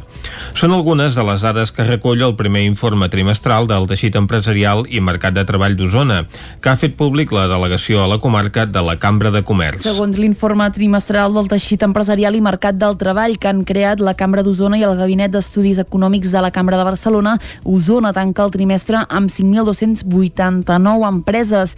És una xifra similar a la del trimestre anterior, però gairebé un 7% per sota del mateix trimestre de l'any passat. Això són 385 empreses menys. A més, la situació actual de pandèmia ha impactat empresarialment en tots els sectors de l'economia comarcal, sobretot en les empreses industrials, amb una reducció relativa de més del 13 L'anàlisi mostra que el nombre de salariats, prop de 55.000, es manté respecte a l'any passat. Cal tenir present, però, que aquesta xifra inclou els treballadors que estan en situació d'ERTO, pràcticament 2.300 a la comarca a finals d'octubre. Pere Ententes és el president de la delegació a Osona de la Cambra de Comerç. Al quart trimestre doncs, tindrem aquest problema de realment la segona onada, que hi haurà molta gent afectada, que haurà anat a l'atur, tindrem més ERTOs i de cara al gener molts ERTOs acabaran sent amb, amb realment doncs, gent que, que, que, que, que tindrà una situació d'atur. Pel que fa a l'atur, al setembre hi ha hagut 9.124 aturats, un 23% més que el mateix mes del 2019. Per la recuperació econòmica del territori, la delegació d'Osona de la Cambra de Comerç proposava diverses mesures, com ara el testatge massiu, incentivar el consum local i idear conjuntament bons projectes per la comarca que puguin optar a les ajudes europees per la pandèmia. Al quart trimestre doncs, tindrem aquest problema de realment la segona onada, que hi haurà molta gent afectada, que haurà anat a l'atur, tindrem més ERTOs i de cara al gener molts ERTOs acabaran sent amb, amb realment doncs, gent que, que, que, que, que tindrà una situació d'atur. Aquest informe que s'ha fet per primera vegada ha de permetre fer un seguiment de la situació econòmica d'Osona i analitzar l'evolució del teixit empresarial i del mercat de treball amb dades de salariats, autònoms i aturats. Tot i haver rebut l'oferiment de la CUP i el PSC, l'equip de govern de Torelló té clar que continuarà governant en minoria. Així ho va assegurar Núria Montanyà, primera tenent d'alcaldia, en una entrevista a l'Angle Obert del Nou TV. Un espai on Montanyà va aprofitar per recalcar la voluntat de l'equip de govern d'Esquerra Junts per Torelló de seguir estrenant enllaços amb les dues formacions. Al mes de maig del 2019, Núria Montanyà es va estrenar en política municipal. A les eleccions era la número 2 de la llista d'Esquerra Republicana Junts per Torelló. Ara és la primera tinent d'alcaldia i regidora de Benestar Social, Educació i Igualtat de l'Ajuntament Torellonenc. La seva entrada al món de la política ha estat molt marcada per la pandèmia, un fenomen que assegura ha frenat i molt els projectes previstos per aquesta legislatura. En una entrevista a l'Angle Obert del Nou TV, Montanyà va parlar del repte que els va suposar governar en minoria. A nivell polític eh, crec que déu nhi el que estem atrapant, però també és a nivell tècnic que a vegades ens diuen, bueno, arribem fins aquí, perquè evidentment eh, hi ha l'estructura que hi ha, mm, és un ajuntament amb molts treballadors, però tot i així hi ha molta feina en un ajuntament i tots els procediments són molt complicats, per tant mm, no sem, no, a vegades no es reflecteix el, el, tota la feina que s'està fent no es reflecteix en uns resultats perquè tot és molt més lent. L'equip que encapçala Marcel Ortuño ha rebut l'oferiment de la CUP i el PSC per entrar al govern. Segons Muntanyà, la idea és continuar en minoria, però al mateix temps estrenya llaços amb les dues formacions. En queda al marge, això sí, Junts per Catalunya. Sí, perquè és un partit que bueno, no hem trobat segurament gaires punts de, de, d'unió i de moment doncs, eh, evidentment qualsevol cosa que fem i també ho comuniquem però a més a més ara al venir les juntes de govern sempre després de, dels punts ordinaris fem informacions, vull dir que intentem que la comunicació sigui fluida en tots, però a l'hora de treballar sí que Junts per Catalunya no, de moment no hi estem. A l'entrevista, Muntanyà també va parlar del projecte del centre assistencial amb la residència per persones amb discapacitat intel·lectual, un projecte que s'ha descartat a l'antic hotel de les Serrasses. L'Ajuntament estat valorant un terreny que ja s'havia mirat anteriorment i que està situat al capdamunt del carrer Nou i la Ronda del Puig. Cardedeu crea una línia de subvencions per promoure el model d'habitatge cooperatiu amb sessió d'ús. David Auladell, de Ràdio Televisió Cardedeu. Les ajudes s'han creat amb l'objectiu de donar suport a models no especulatius de tinença i d'accés a l'habitatge, promovent l'habitatge social i assequible al municipi. Es tracta d'una línia de subvencions pionera a Catalunya a nivell municipal que vol impulsar les cooperatives d'habitatge sense ànim de lucre i d'iniciativa social que desenvolupen el seu projecte a Cardedeu, tant les promocions d'habitatges de nova construcció com les procedents de la rehabilitació d'edificis. Les bases estan pendents d'aprovació aquest trimestre i, per tant, la convocatòria s'obrirà el 2021 i en aquell moment s'especificaran les línies d'actuació i l'import màxim que s'atorgarà. L'habitatge cooperatiu és un model amb dues característiques bàsiques que el diferencien d'altres tipus d'habitatge cooperatiu, la propietat col·lectiva i el dret d'ús. Es basen en l'organització cooperativa i sense ànim de lucre per proveir habitatge digne i a un preu assequible a les persones sòcies que la conformen. Les cooperatives transmeten el dret d'ús indefinit o per un període molt llarg sobre un dels habitatges als seus socis i és un model col·lectiu impulsat pels futurs habitants que permet desenvolupar projectes de convivència comunitaris, participatius i solidaris. L'extraescolar de l'Escola d'Anglès de la Rosa Maria Ricard de Sant Joan pot seguir funcionant gràcies a classes telemàtiques. Isaac Muntades, des de la veu de Sant Joan. Ja fa tres setmanes que les extraescolars que es fan fora de l'escola i que no estan formades per alumnes d'un grup bombolla estable van quedar suspeses. De moment, algunes han hagut de deixar-se de fer, però n'hi ha d'altres que s'han pogut adaptar de manera telemàtica, com és el cas de l'Escola d'Anglès de la Rosa Maria Ricard a Sant Joan de les Abadeses, que més aquest any celebrava el seu desè aniversari. Ricard ha perdut alumnes respecte al curs anterior per culpa del segon confinament, ja que hi ha nens que no volen fer les classes en línia. Però és que també hi ha pares que eren reticents a portar-los a l'extraescolar quan encara es feia presencial al setembre per la por als contagis. Això es tradueix en una reducció d'ingressos però no de despeses, ja que s'han de seguir pagant els autònoms, els lloguers i els impostos. Ricard també comentava que hi ha pares que no entenien que no es poguessin fer aquest tipus d'activitats. Tots sabíem que podia passar, però és veritat que havíem pres totes les mesures. De fet, he de dir que moltes famílies queden parades que no puguem fer les classes de manera presencial perquè hi ha totes les separacions amb metacrilat, els nens entren per l'exterior perquè no hi hagi contacte pels passadissos interiors dels locals, posem gel hidroalcohòlic a l'entrar, netegem taules i cadires quan surten i són poquíssims perquè són grupets de 5-6 nens i a més formen part del seu grup bombolla de la pròpia escola. Però bé, les restriccions són les restriccions i tot sigui per la salut. Ricard va recordar que almenys ja porten l'entrenament de la primavera, però és evident que tot i intentar fer unes classes molt dinàmiques i utilitzant unes aplicacions molt senzilles, hi ha activitats que als més petits els hi costen molt si no estan acompanyats d'un adult. Ricard va explicar com és el funcionament habitual d'una classe. Ara mateix ja he enviat els links per aquesta tarda. Jo cada setmana els hi torno a enviar una invitació perquè ningú es despisti. Són els mateixos grupets. Llavors faig unes classes amb unes lectures sobre personatges i que també hi hagi listening i faig servir unes aplicacions perquè val a dir que en el món de l'ensenyament actualment hi ha moltes aplicacions educatives que són molt sèries i valen molt la pena i faig servir algunes aplicacions que em permeten llavors fer uns formats de, de quiz molt atractius, incorporant-hi també imatges i d'aquesta manera els nens llavors des de casa van contestant, permet també projectar els resultats. A les classes també pot projectar-hi presentacions per fer-les més dinàmiques i a més també utilitzen el xat però marcant unes normes clares abans de començar. Ricard també va apuntar que fa un parell d'anys això hagués estat molt més difícil de fer perquè la gent no estava acostumada i la connexió era pitjor que ara. Les restriccions decretades per la crisi sanitària en l'àmbit cultural han impedit que Obeses faci el tancament de gira que tenia previst del disc Fills de les Estrelles. El grup usonenc ha anul·lat l'actuació programada pel 28 de novembre al Teatre Condal de Barcelona. La fe de la gira ha constat finalment en la publicació al seu canal de YouTube del videoclip de la cançó Invasió Terrícola. En un comunicat, Obeses han explicat que la complexitat de la situació de pandèmia i la incertesa de la seva evolució i de com canviaran les mesures els han fet prendre aquesta decisió que també implica anul·lar el concert que havien de fer aquest proper cap de setmana a Gironella amb la Copla Berga Jove. La formació liderada per Arnau Tordera se centra ara en la preparació del seu proper disc. Esports.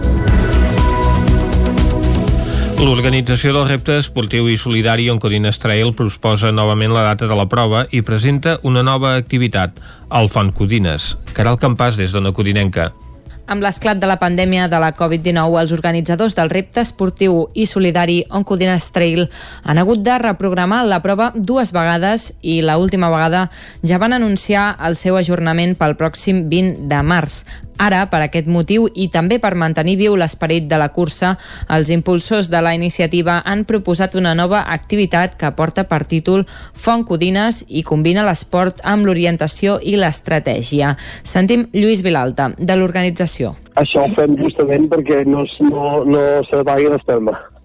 Volem, volem que, que mantenir la flama encesa, volem que la gent segueixi endollada, volem que la gent segueixi pensant que nosaltres estem allà, que ens vam comprometre per la glòria i que, i que per la glòria farem el que sigui perquè això es pugui celebrar i mentrestant pues, hem de buscar alguna manera de que la gent pugui, pugui sortir, pugui moure's i pugui fer-ho amb les condicions que hi ha ara sanitàries. Es tracta d'enregistrar un track de com a màxim 5 hores que passi per punts d'interès concrets situats en els boscos de l'entorn natural de la comarca. Cada element, com poden ser ermites, pous i especialment fonts, dona diverses puntuacions. El plantejament és que amb grups d'entre dues i sis persones, sempre que la normativa sanitària ho permeti, els participants intentin aconseguir la màxima puntuació possible. Les localitzacions que donen més punts són les fonts, per això a les bases donen indicacions de on es poden trobar. Eh, més que res era per, per, perquè sigui una cosa virtual, perquè tothom la pugui fer tot arreu. I la cosa que vam pensar que més hi havia tots els pobles i que era més fàcil d'aconseguir eren les fonts. En les instruccions, bueno, en les, en les bases, mm, recomanem una web on hi ha totes les fonts de Catalunya, o totes no, una bona part de les fonts de Catalunya, hi ha més de 8.000. El nou joc Font Codines es podrà fer des d'aquest dissabte i fins al 31 de desembre i manté el lema de la proposta inicial, Ens movem per la glòria. Per poder-hi participar, les persones interessades han d'omplir el formulari disponible al web oncodinestrail.cat. Els equips que ja col·laboren a l'Oncodinestrail s'hi poden apuntar de manera gratuïta i la resta hauran d'abonar un import de 20 euros que es destinarà a la Fundació Oncovallès. I ara el que ens toca, com fem sempre, és fer una altra ullada a la informació meteorològica. Casa Terradellos us ofereix el temps. Doncs després del butlletí informatiu de les 10, el que toca és parlar altra vegada amb el Pep Acosta, que no sé si ens continuarà parlant de geleres o anirem, anirem al gra. Pep, va, bon dia. Hola, molt bon dia.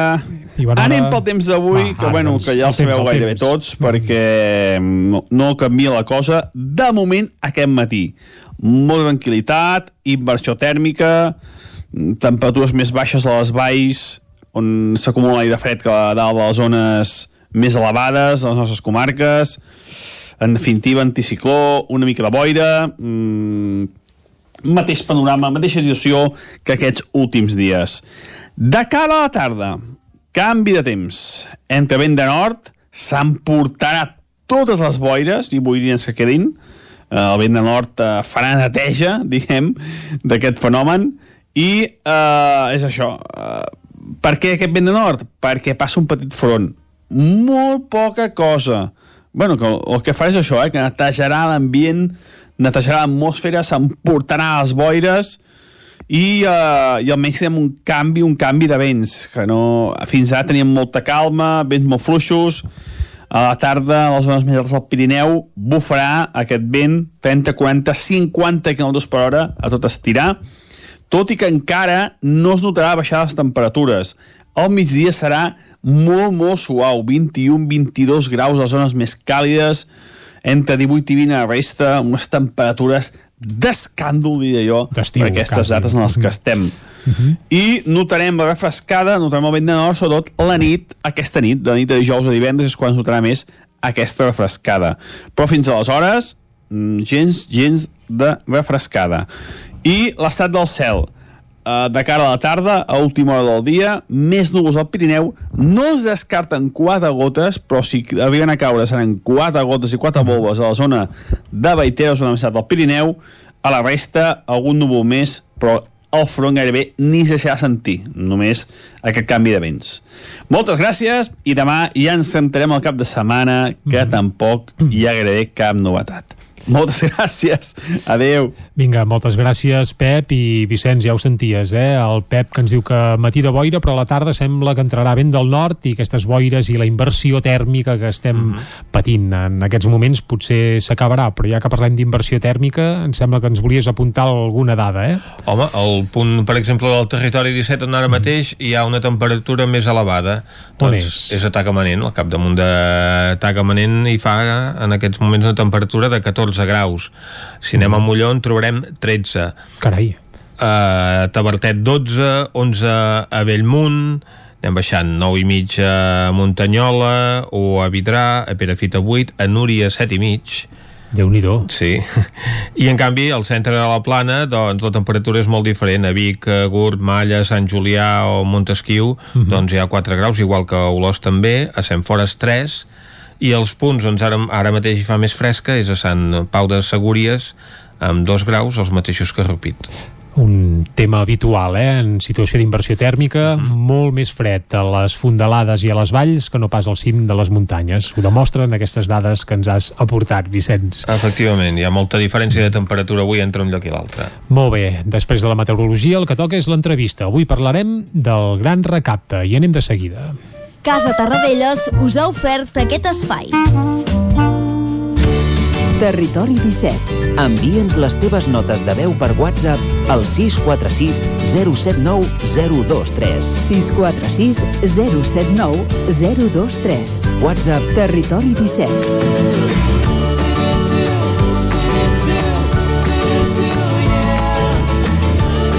Territori 17.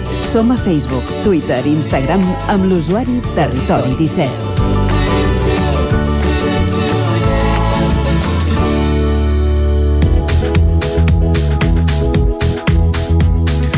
Enguany la dotzena edició del Gran Recapte d'Aliments serà molt diferent d'allò que sempre s'havia fet fins ara, ja que aquesta edició serà virtual, per culpa de la pandèmia de la Covid-19. Tot i això, ara és quan és més necessària que mai, ja que hi ha molta gent que depèn de les donacions que es facin per poder menjar i passar el dia. Sobretot ara que s'han agreujat els problemes socials per culpa del ZERTO i altres casuístiques. En parlem des de la veu de Sant Joan, on ens espera l'Isaac Muntades. Bon dia. Bon dia, Vicenç. Doncs sí, per parlar sobre el gran recapte d'aliments d'aquest eh, 2020 tenim al telèfon a la coordinadora de la Creu Roja de Ripoll, la Sílvia Gallart, perquè ens expliqui doncs, detalladament com funciona aquesta edició tan especial del, del gran recapte d'aliments d'enguany i com s'hi pot col·laborar. Bon dia, Sílvia, i moltes gràcies per atendre'ns. Bon dia, gràcies a vosaltres. Per començar, Sílvia, m'imagino que amb la irrupció de, del coronavirus hi ha més necessitat d'aliments eh, que mai. M'imagino que els bancs d'aliments han tingut més demanda durant aquest any. Per tant, no sé si heu calculat quin és el percentatge que haurien d'augmentar eh, d'aliments que, que recolliu. No sé si ho heu calculat en quilos aquí a, a la comarca.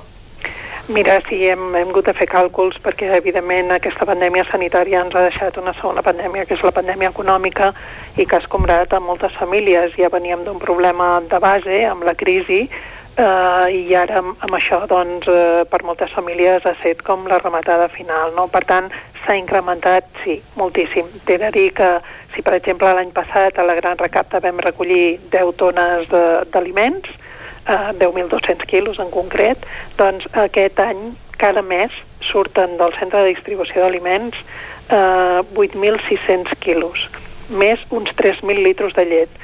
O sigui que ja et pots fer la idea de que ara necessitem una gran recapta cada mes.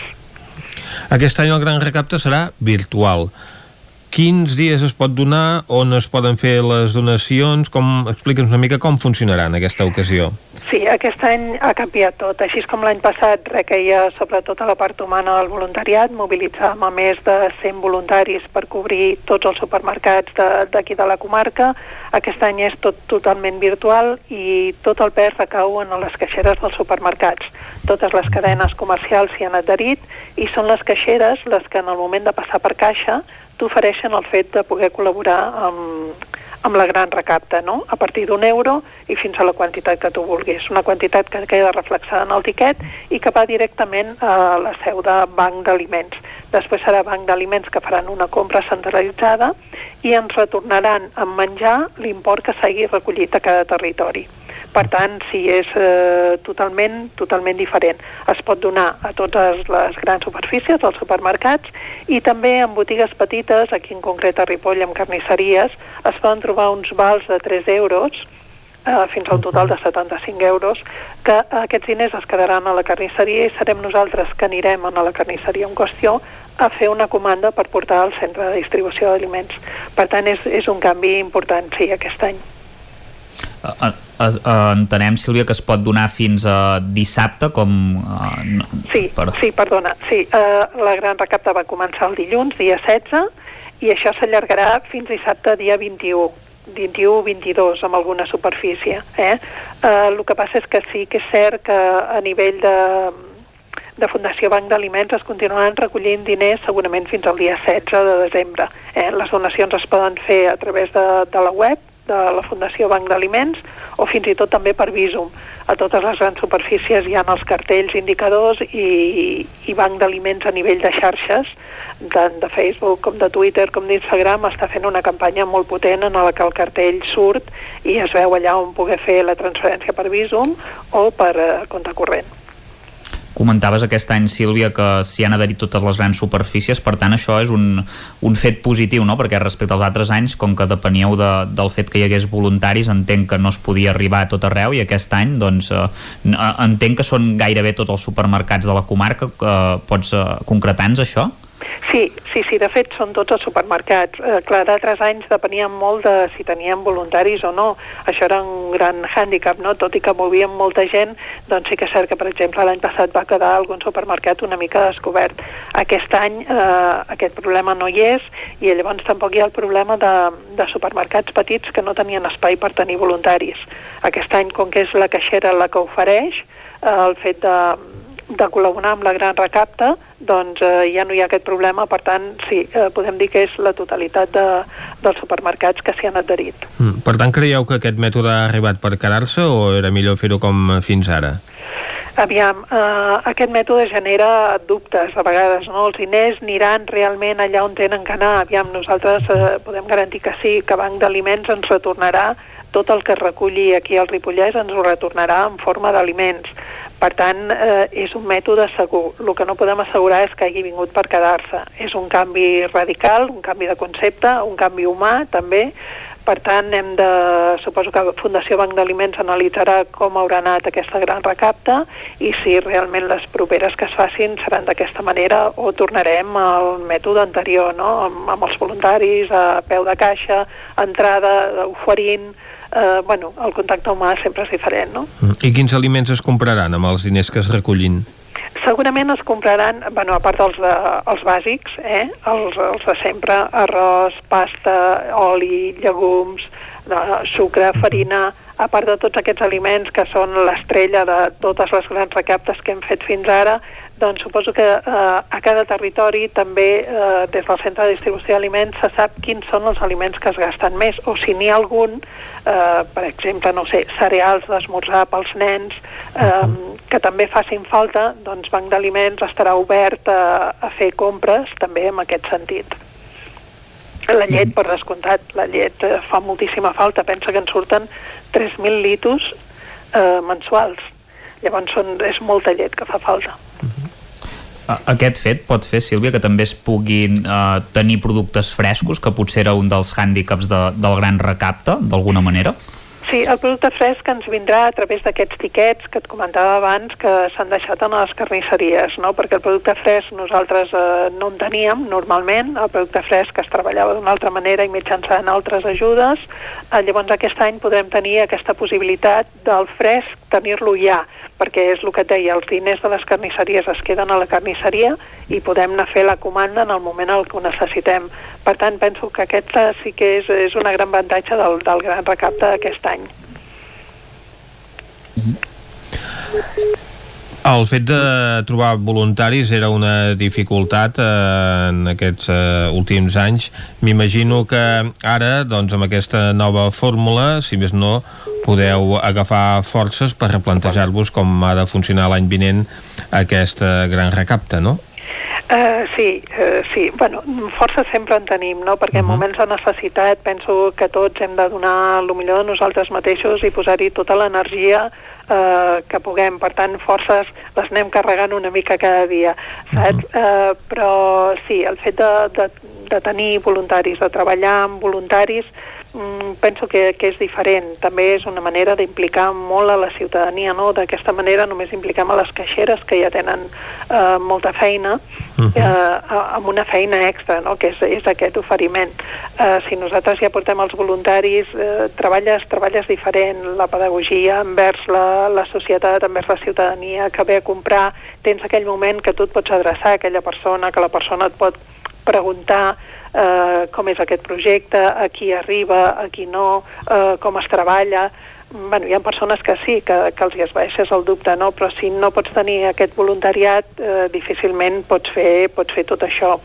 Ens hem de plantejar, bueno, de fet serà Banc d'Aliments, que és qui organitza totes aquestes grans recaptes, el que decidirà si, com en deia abans, no? si, si aquest nou mètode ha vingut per quedar-se o realment tornarem a, a lo dels altres anys i a, i a donar tota aquesta energia en el voluntariat perquè la transmeti a la població. En aquest moment no, no et puc dir si, si, si el mètode és per quedar-se o si tornarem, però de força se n'asseguro que, que en tenim. Us heu marcat algun objectiu aquí al Ripollès? Bueno, aquest any és difícil marcar objectius, no? Eh, sabem les xifres, sabem el que necessitem. Jo abans et parlava d'aquests eh, 8.600 quilos més 3.000 de llet mensuals que ens fan falta, uh -huh. clar, l'objectiu seria aconseguir pues, eh, pues això, no? Eh, poder tenir els suficients diners com, com per comprar aquests aliments cada mes. Uh -huh. eh, però és difícil marcar-se un objectiu quan no, quan no és tangible el que reculls de moment, no? Fins que Banc d'Aliments no ens digui, doncs, goita, en, la vostra, en el vostre territori s'ha recollit aquesta xifra i podeu comprar... Se'ns acaba el temps, eh, sí. Sílvia, hem de deixar-ho aquí. Gràcies per acompanyar-nos i que sigui un èxit el gran recapte. Molt moltes gràcies a vosaltres. El nou FM, la ràdio de casa, al 92.8. El nou FM. Dilluns 23 de novembre, el nou FM celebra 10 anys de ràdio, fent un programa especial a benefici del Banc de Sang i Teixits. Per venir a donar sang a la seu del 9-9, de dos quarts de 5 de la tarda a les 8 del vespre, truqueu al 677 071 756 o apunteu-vos a donarsang.gencat.cat 677 071 756. Dilluns 23 de novembre, programa especial de 10 anys del 9 FM, a partir de dos quarts de 5 de la tarda. El 9 FM, 10 anys, compartint ràdio. La Fogonera, resistència gastronòmica. És un restaurant? És un rostidor? És La Fogonera, la cuina en directe des de GURB, on encarregues, ho vens a buscar i ara també t'ho portem a casa. La Fogonera, resistència gastronòmica. Ara, amb la fogonera de dia, amb aperitius, arrossos, segons plats i postres. I quan cau la nit, ens transformem en un popurri culinari. Burgers, pizza, pasta... Truca al 93 851 55 75 o entra a lafogonera.cat. La Fogonera, el teu aliat gastronòmic. L'Auditori Teatre de Calldetenes presenta Paraules encadenades de Vitó. El 28 de novembre a les 9 del vespre, Paraules encadenades a l'Auditori Teatre de Calldetenes. Només pensar en passar aquesta nit sense calefacció amb aquest fred. No es preocupi, hem analitzat a fons la caldera i de seguida quedarà reparada i en funcionament. Quan tingui un problema amb la seva caldera, vagi directament a la solució. Truqui sempre al servei tècnic oficial de Saunier Duval i despreocupis, perquè som fabricants i coneixem les nostres calderes peça a peça. Informis a Oficiat Nord trucant al 938860040. Saunier Duval, sempre al seu costat. Òptica Visual Opti3. Regala qui estimis, visió, salut, protecció, prevenció i moda. Per tu, regala't una revisió visual completa. Visual Opti3, la teva òptica. Ens trobaràs a Facebook, Instagram, visualopti3.com i a la plaça Major 39 de Vic. Cada territori té un atractiu o més d'un. El fruit, el paisatge, la seva gent, les pedres... Camins de l'Eix. Descobrint el capital de terra endins. Camins de l'Eix, dissabte a les 9 del vespre al 9 TV. Aquesta setmana, Montrebei, amb el suport de la Generalitat de Catalunya. 7 milions i mig de futurs.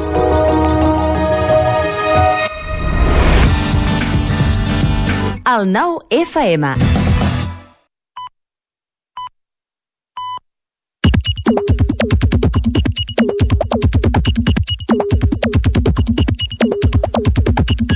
Són dos quarts d'onze, és hora de fer una ullada a Twitter, que com cada dia ens la porta l'Isaac Moreno. Bon dia, Isaac. Hola, Vicenç.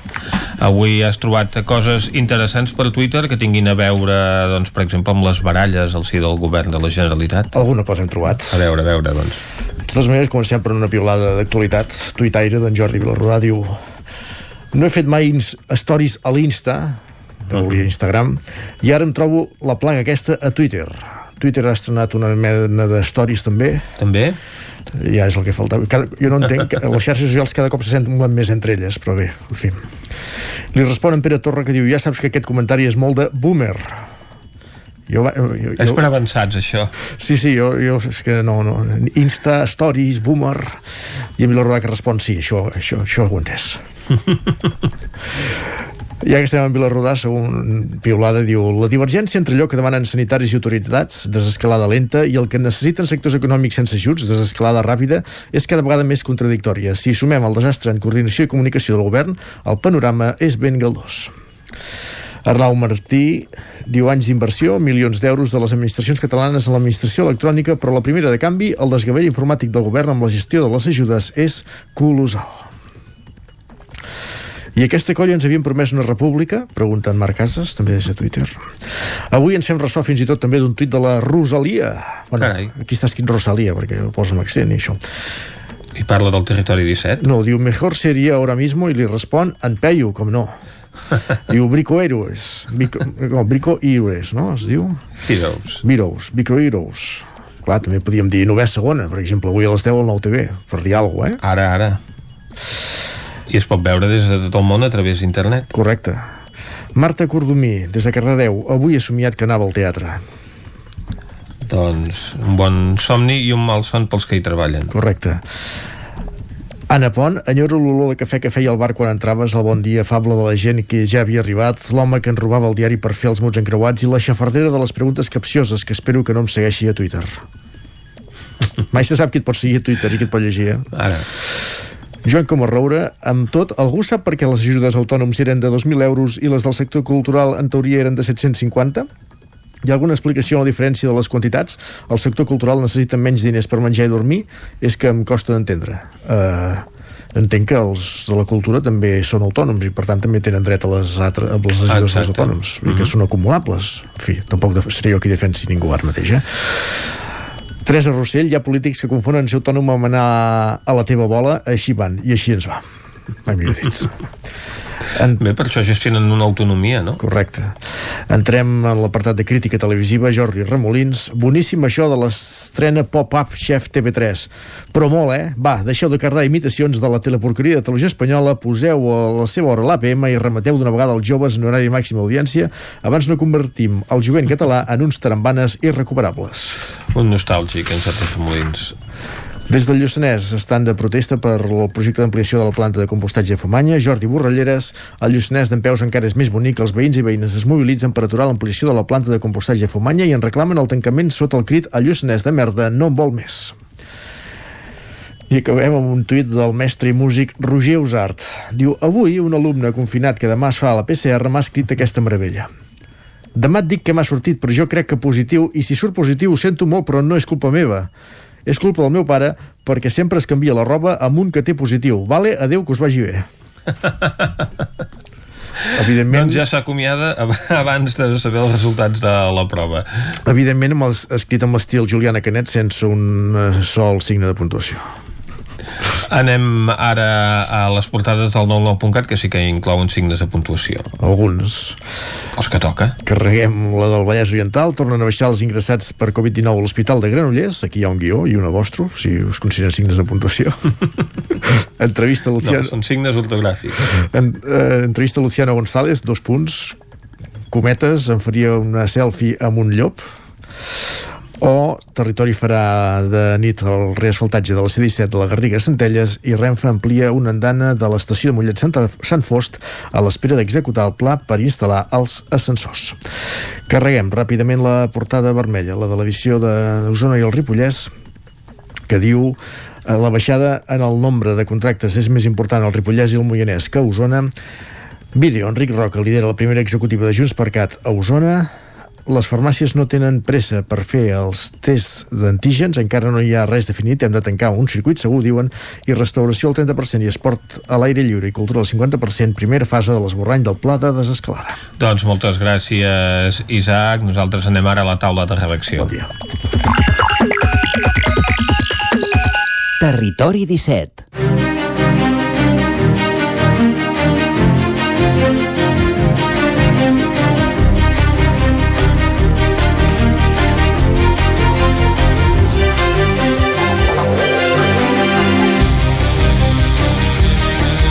a la taula de redacció avui comptarem amb la presència de Miquel R. i d'Ester Rovira.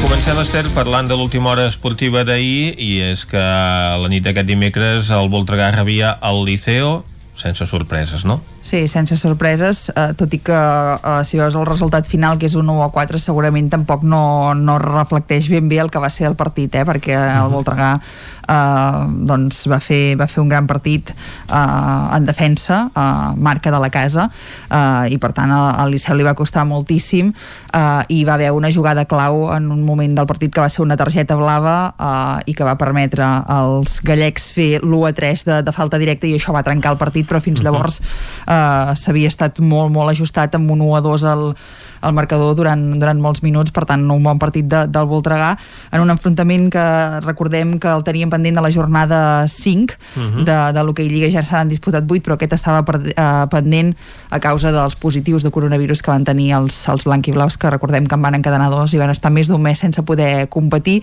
aquesta falta de competició eh, segurament també els passa factura eh, i, i, i es noten petits detalls però tot i així, eh, insisteixo, déu nhi eh, doncs el, el bon partit que van fer els de, els de Sant Hipòlit davant un Liceu que potser darrere seu també és dels equips més afectats, eh? perquè en el seu cas eh, a causa de, de positius dels rivals o de quarantenes mm. dels rivals tampoc no, no, no n'han pogut jugar gaires, de fet van venir ahir i es queden per jugar dos partits, ja es queden aquí a Catalunya al Liceu per mm -hmm. jugar dos partits perquè també en tenien de, dependents, però bé, en tot cas el Voltregà va ser l'equip que, que va arribar a acumular més partits sense jugar uh -huh. a mhm. causa d'això doncs, d'haver encadenat dos positius que després van ser més perquè n'hi va haver d'altres que en, en la segona quarantena també van, van donar positiu eh, destacar també que Liceu tenia una baixa important, la del seu màxim golejador, Roberto Di Benedetto, que no va poder jugar eh, aquest partit i això segurament també va ser un hàndicap per jugar contra un Voltregà que, com dèiem, eh, té una de les seves armes més fortes, la, la defensa, i ahir em va fer,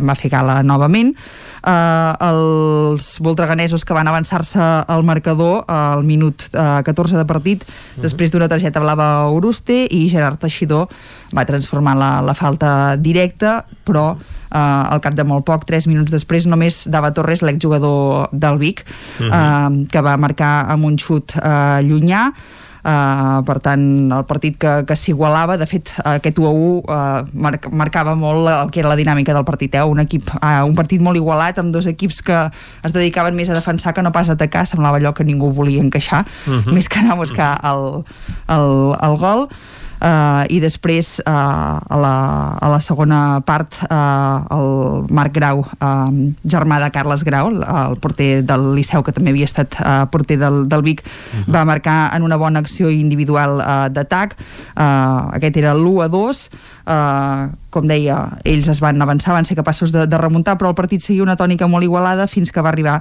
aquesta targeta blava Arnau Canal, quan faltaven menys eh, Eh, de 7 minuts per acabar el partit i Jordi Adrué, el jugador nascut a Ribes de, de Freser. Que també va jugar al Vic. I que també havia jugat al Vic, exacte. Tot, tothom té un passat vinculat a l'hoquei de, de la comarca. Doncs va fer aquest 1 a 3 que deia que sí que va, va trencar el partit perquè faltaven això poc més de, de 6 minuts per acabar el partit i això sí que va suposar un cop gros pel, pel Voltregà eh, que en els últims minuts doncs, va intentar-ho a, a totes.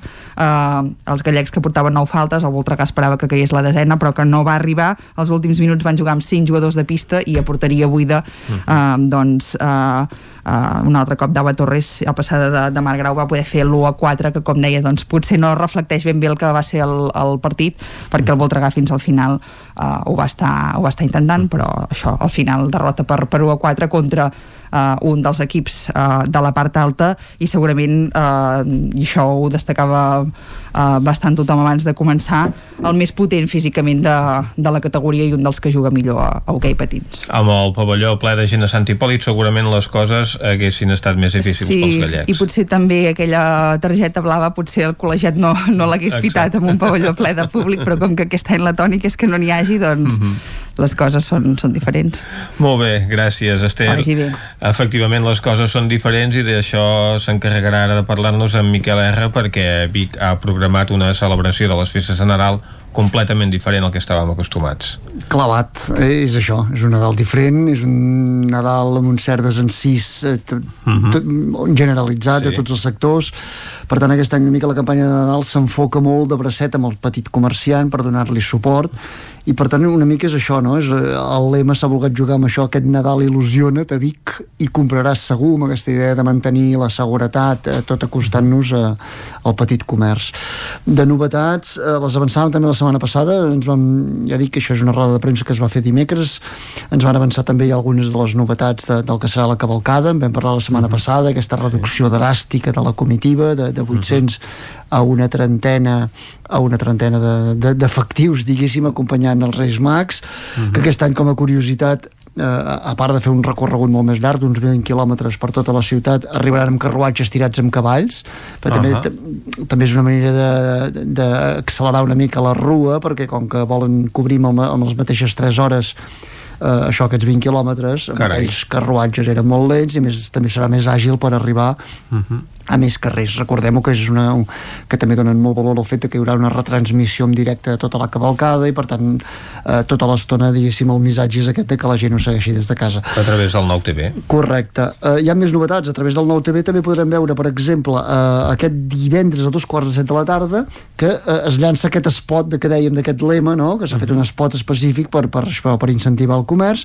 i també a dos quarts de set s'encendrà, també s'avança una setmana una mica allò per ja anar generant ambient ambient de Nadal molt abans, se'n avança una setmana la il·luminació de tots els carrers. Què dius ara? Inclòs el mític arbre del centre de la plaça Major, de color blau, que també aquests dies ja l'estaven instal·lant, i això és, ja dic, l'encesa és divendres a dos quarts de, a dos quarts de set, eh, spot i il·luminació tot plegat per, per començar a fer campanya. Uh -huh. El que de moment es manté també, eh, recordem-ho, eh, s'han anul·lat eh, fires com el Mercat Medieval, evidentment, eh, també el Festival de la Infància, en canvi de moment es manté el Mercat d'Artesans, uh -huh. aquell mercat eh, de, que acostuma a haver-hi sota les voltes de la plaça, el que es fa però, per donar-li, per esponjar-lo més, és traslladar-lo al passeig i per tant hi haurà una trentena llarga d'artesans amb productes de Nadal al passeig cada cap de setmana des de la Puríssima fins, eh, fins al cap de setmana de Reis.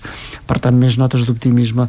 Eh, això hi havia també el president de, de Vic Comerç Toni Brax que agraïa una mica el fet aquest no? de que, que s'intenti donar-los suport uh -huh. i, i, i, i apel·lar una mica això que dèiem a la il·lusió en un moment en què, I a la a que tots plegats, a que tots plegats ens costa treure-la d'algun lloc.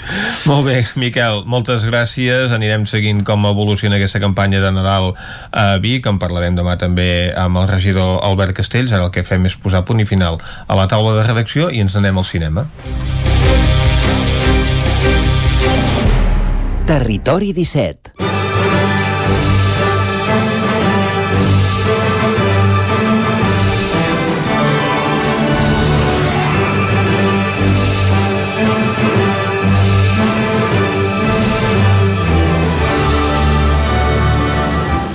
Doncs, com bé has dit, Vicenç, quan falta un minut per tres quarts d'onze del matí ens n'anem cap al cinema, mm -hmm. tot i que hem de recordar que aquest cap de setmana els cinemes encara estaran tancats, eh? Però, com que la setmana que ve ja hi ha obertura de cinemes, Correcte. doncs eh, durant la setmana hi ha la possibilitat de poder-hi anar i si més no d'anar als cineclubs que ja tornen a programar uh -huh. doncs eh, projeccions de pel·lícules perquè durant la setmana vinent doncs ja ho podrem fer amb un aforament reduït exacte, a partir de dilluns, amb aforament reduït, cinemes, sembla que podran tornar a reobrir. Això qui t'ho ha filtrat, Vicenç? Això no puc dir-ho perquè Bé, bé. llavors puc provocar una crisi de govern. Val. Bé, a mi saps que m'han filtrat que ara ens espera la Núria Lázaro. Yep. I això qui t'ho ha filtrat? Uh, bé, no es poden dir les fonts, els pecats sí, però els... Doncs bé, bé, tant és, tant és. Uh, res, la tenim cada setmana, tampoc és cap novetat, eh? Uh, és molt relatiu que sigui un filtratge. I ella, com sempre, ens parla d'alguna cosa que, bé, com que els cines estan tancats, doncs relacionada amb el cinema, per tant, el primer que farem és demanar-li de què ens parlarà avui. Uh, Núria, va, de què ens parlaràs avui? Doncs avui el tema estrella seran els Oscars 2021 Mm. i avui el que farem serà una quiniela de les preferides a millor actriu. The Oscar goes to Renee Zellweger.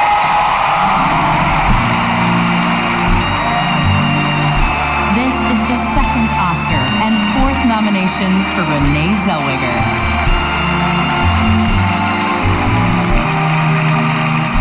Guanyadores de l'Oscar, eternes perdedores, llegendes del cinema europeu, estrelles semioblidades que intenten un comeback davant d'una nova generació, cantants obrint-se camí al món de la indústria del cinema, joves promeses del cinema britànic... Aquest any la lluita per treure-li el tro a la Renée Zellweger, guanyadora a millor actriu l'any passat, torna a revisitar antics llocs comuns a les categories, però en aquest 2020 el protagonisme en la carrera més atípica en el segle d'existència dels Premis de l'Acadèmia no recau en una intèrpret, sinó en una companyia, ja que fins a sis pel·lícules de Netflix podrien aparèixer a la categoria en una edició marcada per la crisi de la Covid-19 i en la que grans majors s'han retirat majoritàriament del joc en favor de plataformes productores independents i, bueno, altres valents. Llavors, avui el que farem serà una repassada de les grans aspirants per entrar a la categoria amb millor actriu protagonista d'aquests Oscars 2021. This be an empty world without the blues. I try to take that emptiness and fill it up with something. Doncs comencem amb Viola Davis a La Madre del Blues, quatre anys després de fer-se amb l'Oscar a millor actriu secundària en Fences. Viola Davis aspira a repetir el premi amb una altra adaptació d'una de les grans figures de la literatura i dramatúrgia afroamericanes, August Wilson. A La Madre del Blues, la protagonista de la recentment finalitzada Com defender a un asesino, es fica a la pell de la Mai Ryan, una cantant negra de blues clàssic que gràcies a unes llegendàries gravacions dels anys 20 va obrir camí per futures estrelles del gènere com Ethel Waters o Billie Holiday.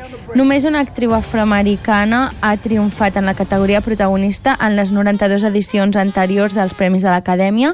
Si Lee Davis guanyés aquesta estatuilla, es convertiria en la primera dona de color en rebre dos Oscars.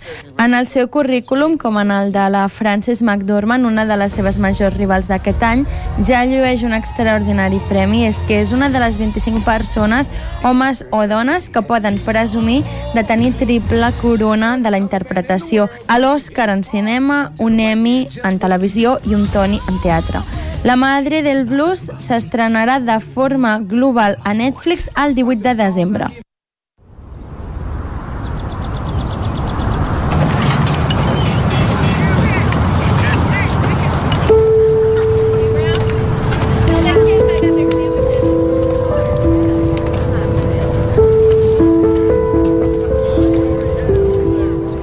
Altra de les preferides, Frances McDormand, en el seu cas per la interpretació a Nomadland, quan encara tenim molt recent el seu icònic discurs d'acceptació de l'Oscar a millor actriu protagonista amb tres anuncis a les afueres, Frances McDormand torna a la temporada de premis amb una elevadíssima interpretació que amenaça amb col·locar-se en els llibres de història de l'Acadèmia. Només dos actrius han triomfat en més de dues ocasions en les categories de protagonista, Catherine Hepburn amb quatre estatuilles i Daniel Day-Lewis amb tres. La culpable d'aquesta nominació de la Frances McDormand McDormand, com us deia abans, és Nomadland. És la gran vencedora de la típica temporada de festivals de la tardor. És la primera pel·lícula que ha rebut els premis més importants de Venècia i Toronto en els últims 42 anys de coexistència de les dues cites i explica la història de la Fern, una supervivent a la brutal crisi econòmica de 2008 que s'embarca en un viatge per a l'oest americà vivint com una nòmada moderna. El drama de Chloe Zhao, que recorda un clàssic instantani del cinema de Hollywood com Les uves de la ira de John Ford, arribarà als cinemes espanyols el 8 de gener. I wanted to stay at home.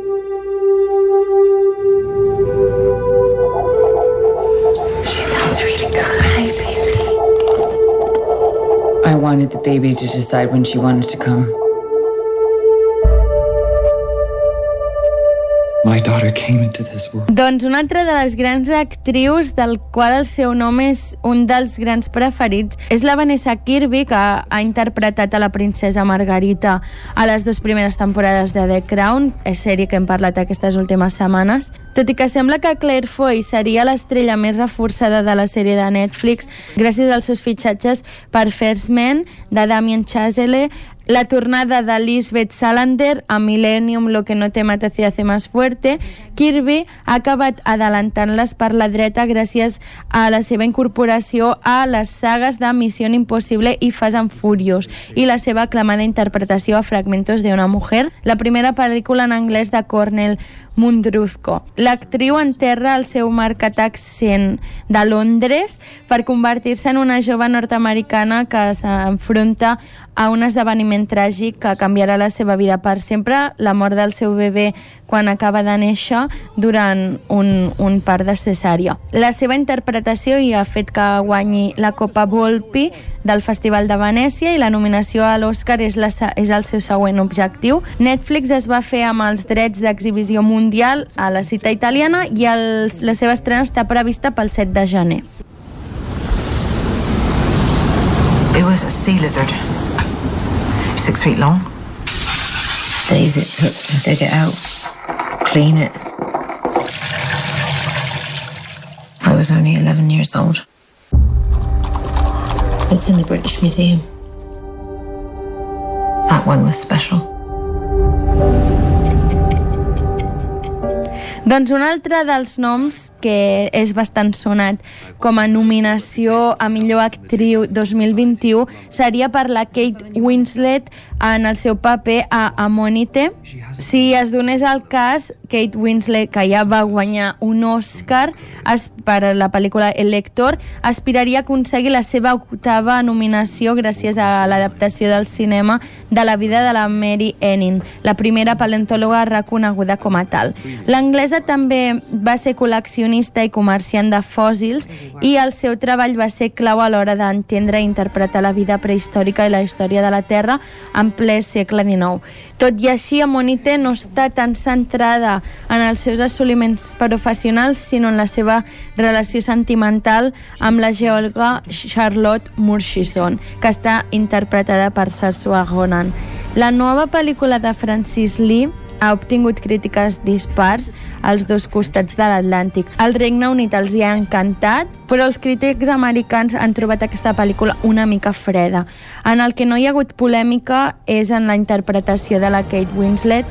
De fet, hi ha crítics que diuen que ha sigut el millor treball de tota la seva carrera a la interpretació que fa a Monite, que encara no té data d'estrena a Espanya. Sono uomo e sono orfano. Io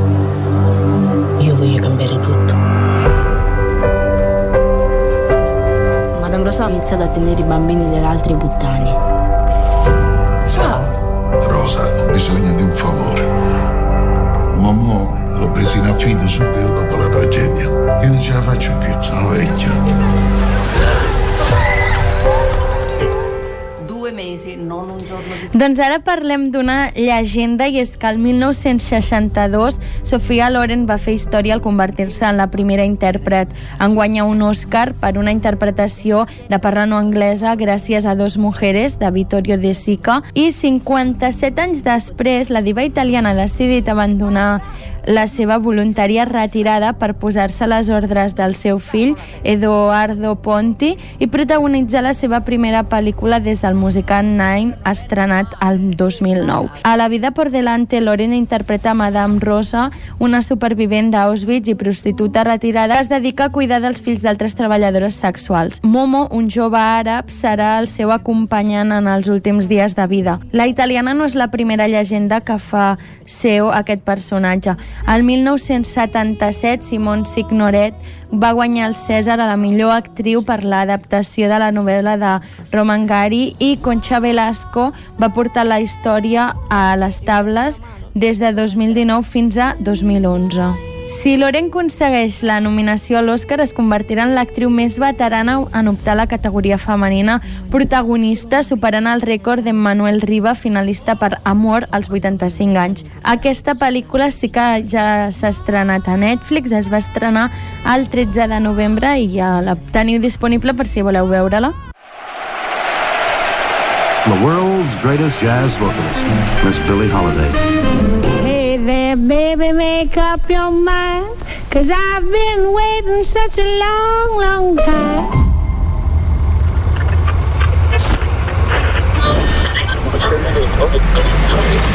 Everybody professed to know her. They knew nothing about her.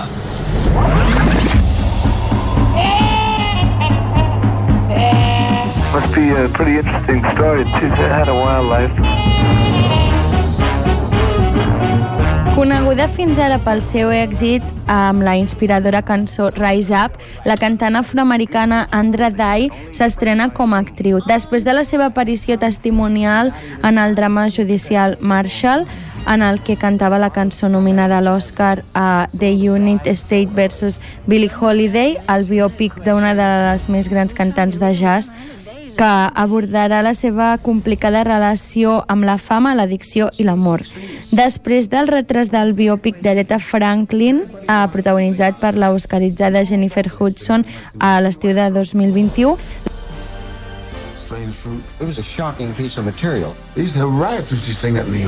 La pel·lícula de Lee Daniels aspira a cobrir aquest reservat a les biopic d'estrelles de la música com Tina Turner, Freddie Mercury, Ray, Ray Charles o Johnny Cash. La pel·lícula sobre Billie Holiday, adquirida per Paramount el passat estiu, arribarà als cines dels Estats Units el 12 de febrer, aprofitant així l'extensió de les dates d'estrena aprovades de forma excepcional aquest any per la crisi del coronavirus. Oh, I thought your mama was going to be all right. be happy. I know I could have done better.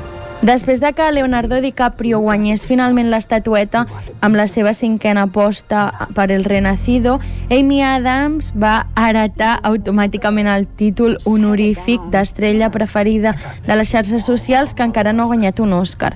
Sis nominacions frustrades i sobretot l'oblit a les nominacions dels seus inoblidables treballs a la llegada han alimentat la deuta amb l'actriu. Llavors la pregunta és si serà amb Hillbilly, una elegida rural, el seu bitllet a la glòria. Adams aquí interpreta a B, que és una dona marcada per la seva batalla amb les addiccions, que ha de fer front a les ferides de la relació amb el seu fill, un exmarine del sud d'Ohio que estudia dret a Yale, i amb la seva mare, l'estricta dona que va ocupar el paper de figura materna del seu fill durant la seva absència. Al costat de la pell roja està Glenn Close, una altra eterna dama d'honor dels Premis de l'Acadèmia amb set derrotes a les seves esquenes. La pel·lícula de Ron Howard arribarà a Netflix el 24 de novembre, però les desastroses crítiques d'Adams li resten possibilitats a la seva carrera. What are you gonna do? I don't know. Whisper something God Almighty. You know, they put themselves in danger, girls like that.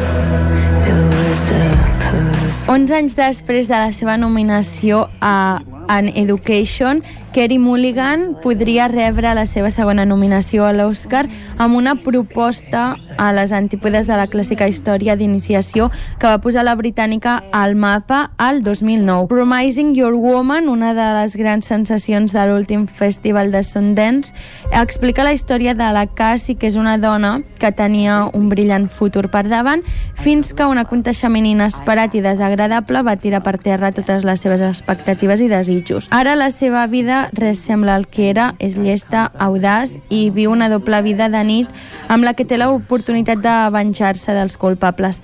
La saturació de pel·lícules de Netflix pot jugar a favor d'una intèrpret que semblava destinada a dominar els premis a la passada dècada, però que tot i així va preferir optar papers de repartiment a les ordres de grans directors, com per exemple la pel·lícula A propòsito de Lewin Davis, Shame o Drive, o personatges protagonistes que no van, a, que no van arribar a cap lloc, com per exemple Alejos del Mundanal Ruido o Sufragistes. Hi, I'm Kira Johnson. I was just wondering if the part-time filing position was still open. Uh, no, that's been filled. Doncs continuem amb Michelle doncs continuem amb Michelle Pfeiffer, en aquest cas per la seva interpretació a French Exit. Michelle Pfeiffer va saborejar la glòria. Amb la punta dels dits gràcies a les amistades peligroses, va obtenir BAFTA a la millor actriu secundària, amb Los Fabulosos Baker Boys va guanyar el Globus d'Or i les associacions de crítics de Los Angeles i Nova York. I amb Por encima de todo va guanyar el Premi d'Interpretació del Festival de Berlín però a l'Oscar no es va materialitzar i fins a dia d'avui no s'ha materialitzat. L'única raó per la que Michelle Pfeiffer no acompanya Amy Adams i Glenn Close al grup de les grans oblidades de l'acadèmia és perquè l'actriu va decidir deixar la seva carrera professional en un segon pla a favor de la seva família formada juntament amb el guionista David Kelly. French Exit és una comèdia negra de Cecil Jacobs que ja li ha reportat algunes de les millors crítiques de la seva carrera i això ho podria remediar. Pfeiffer interpreta una viuda de l'alta societat neoyorquina que es muda a un petit apartament a París juntament amb els seus fills i, i el seu gat, que, segons ella, és un marit reencarnat. El major obstacle de l'actriu és la mediocre recepció crítica que ha tingut i és una pel·lícula que encara no té data d'estrena a Espanya. Doncs amb Michelle Pfeiffer acabo, em deixo a moltes que també són grans preferides, com la Regida Jones, Meryl Streep, Jay-Z Buckley, uh, o la Sidney Flanagan. El que sí que avui no farem estrenes, perquè totes aquestes pel·lícules que us he portat o bé són estrenes que s'han fet fa, fa poc, algunes s'estrenen aquest cap de setmana i d'altres les tindreu disponibles a les plataformes entre els mesos de desembre i gener. Doncs després d'aquest repàs, sobretot a les grans actrius que hi ha ara mateix al cinema mundial, de part de la Núria Lázaro, el que toca ara és acostar-vos de nou l'actualitat de les nostres comarques, les comarques del Ripollès, Osona, el Moianès i el Vallès Oriental. Territori 17, amb Vicenç Vigues i Jordi Sunyer.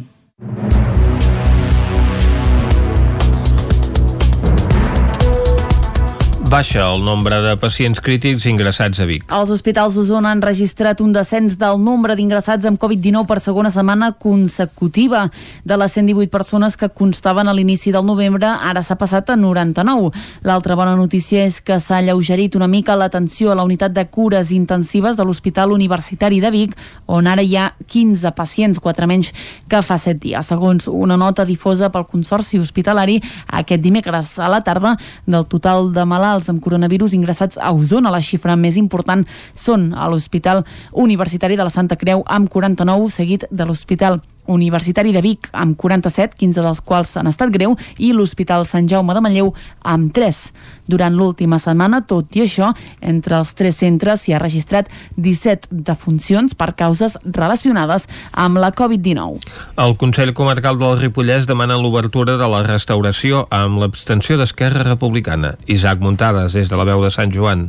La moció d'urgència presentada conjuntament per l'equip de govern del Consell Comarcal, format per Junts per Catalunya, Més i el PSC per demanar la represa de l'activitat del sector de la restauració, no va tenir el vistiplau d'Esquerra Republicana de Catalunya, que es va abstenir. En canvi, la CUP sí que va donar-hi suport. La proposta presentada al ple que emplaçava l'hostaleria a complir de manera diligent les mesures dictades pel Departament de Salut per tal d'evitar contagis, va ser defensada pel president de l'EN, Joaquim Colomer. Colomer va recordar que el sector ho està passant molt malament i que les mesures que es van filtrar aquesta setmana de permetre obrir les terrasses i els interiors de bars i restaurants restaurants de les 6 del matí a les 5 de la tarda amb un 30% d'aforament són insuficients segons els ha manifestat el sector de l'hostaleria. Colomer també va deixar un DAR pel govern. Aquests sectors doncs, s'han doncs, posat al dia comprant doncs, aparells per renovacions d'aire, s'han posat al dia per comprant doncs, aparells ja siguin mampares, separadores, complint doncs, les mesures que va exigir doncs, Generalitat i tot i això doncs, s'han doncs, vist obligats al tancament, tancament de forma immediata eh, sense poder-se planificar. També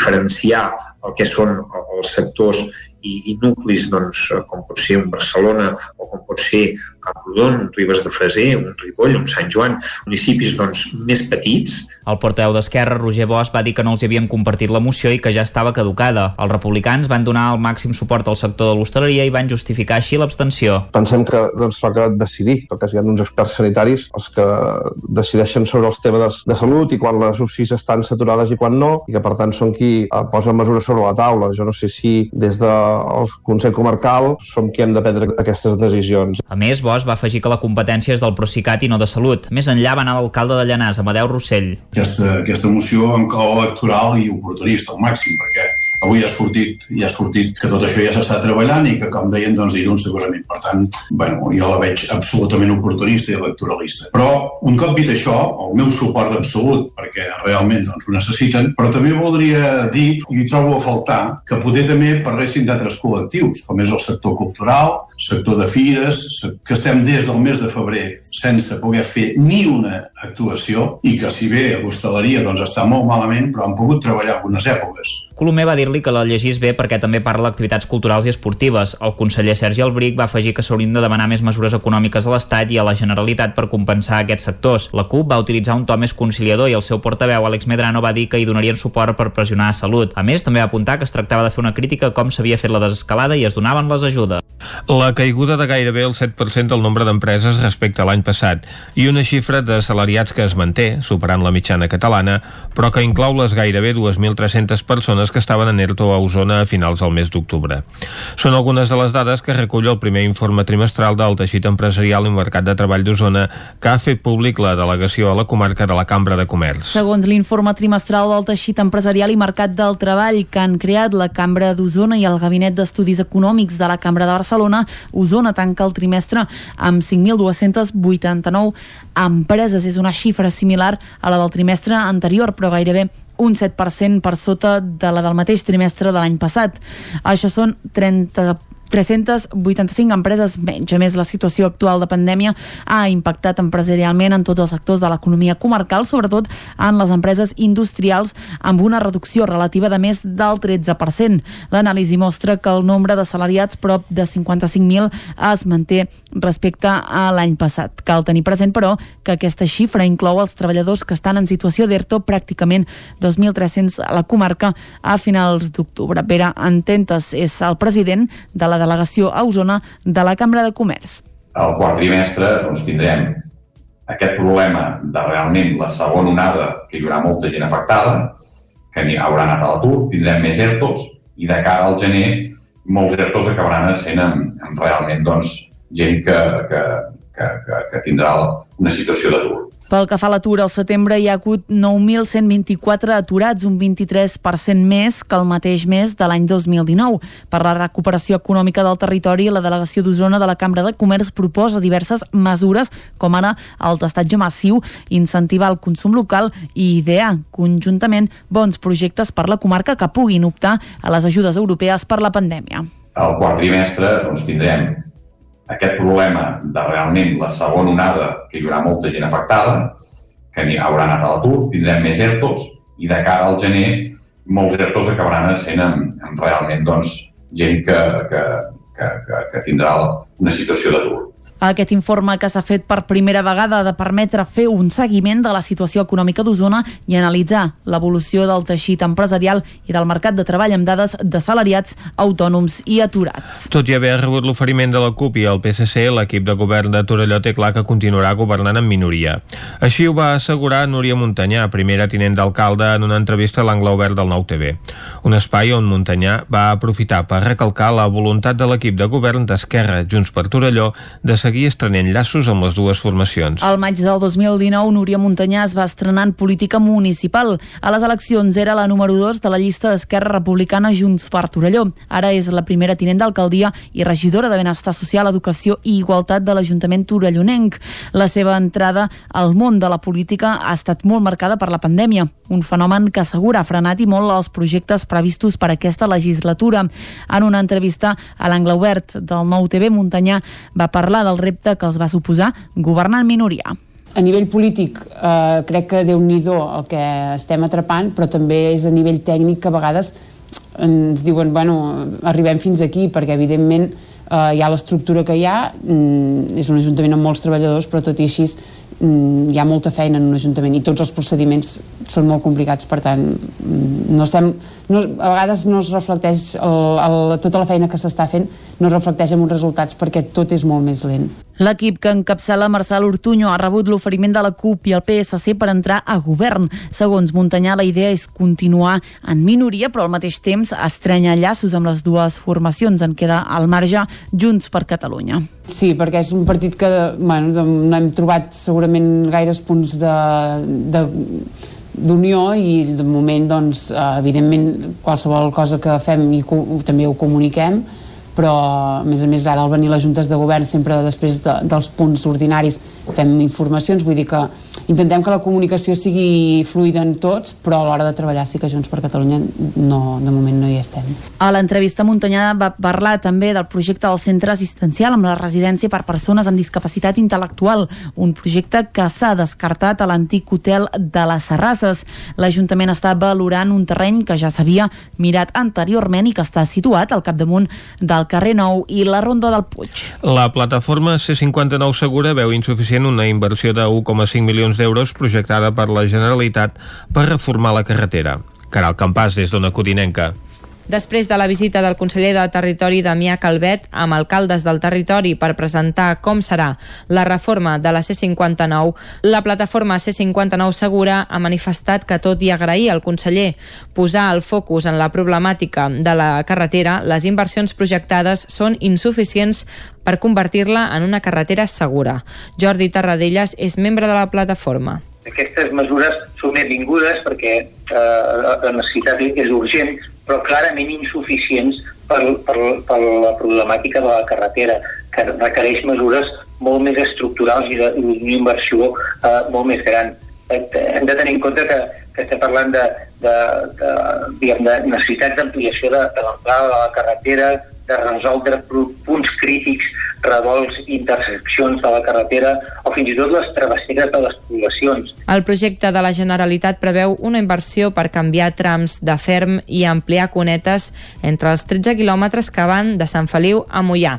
Des de la plataforma continuen demanant un projecte de reformes més continuat. No ens fiquem en com s'ha de fer, però clarament eh, el, la inversió prevista fins al moment és clarament insuficient. Per tant, el que eh, des de la plataforma sol·licitem és que hi hagi no només aquesta inversió puntual, aquest estudi aquesta inversió, sinó que realment hi hagi a darrere un pla d'inversió sostinguda en els propers anys fins que realment la, la C-59 sigui una carretera, tal com deia el conseller Calvet, sigui una, una carretera segura i confortable pels seus conductors. Actualment el projecte està en fase de redacció i la Conselleria de Territori preveu començar les obres l'estiu que ve. Aquest any s'ha celebrat el primer Congrés de Música d'Arrel per tal de posar de manifest la preocupació de noves generacions de músics d'arrel. El cardarauenc Cesc Alexandri hi ha participat. David Auladell, de Ràdio Televisió, Cardedeu. Els objectius són analitzar el món de la música i intentar revifar el sector per estendre la música tradicional arreu del territori. En aquest context, el cardedeuenc Cesc Alexandri ha participat en una de les ponències per explicar la recuperació de les músiques del Vall de Gitanes de Cardedeu i quines directrius van seguir. Cesc Alexandri, compositor d'algunes peces del Vall de Gitanes de Cardedeu. Partíem d'un material que teníem, que eren fotografies i arxius a l'arxiu del museu, partíem de llibres i articles antics de, primers del segle XX i més moderns, però faltava una cosa molt important, ens faltava el testimoni de les persones que havien ballat havien viscut les gitanes perquè a Cardeu van deixar de fer-se als anys 20-30 del segle passat. Per sort, a la comarca hi ha tres pobles que van recuperar les gitanes molt abans que nosaltres, que van ser Sant Esteve de Palatur de l'any 1980, Sant Celoni el 1981 i Llinars del Vallès el 92.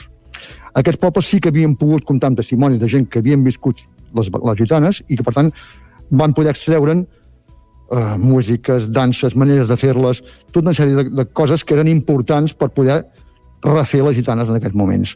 Què vam fer nosaltres? Doncs, evidentment, demanar ajuda a aquests pobles. Ep, veniu cap aquí, expliqueu-nos què heu fet. A partir d'aquí es van crear unes comissions que van estar un any treballant.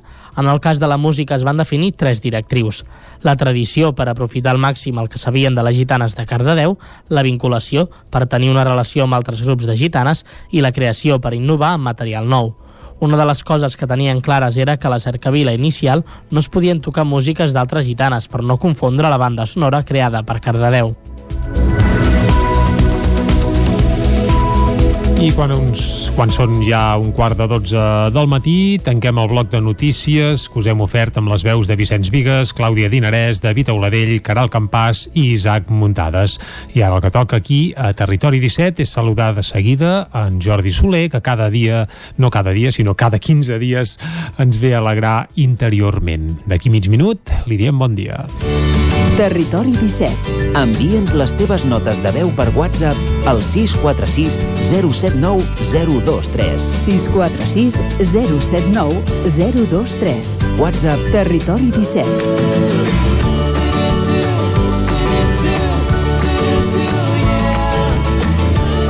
Territori 17. Som a Facebook, Twitter i Instagram amb l'usuari Territori 17.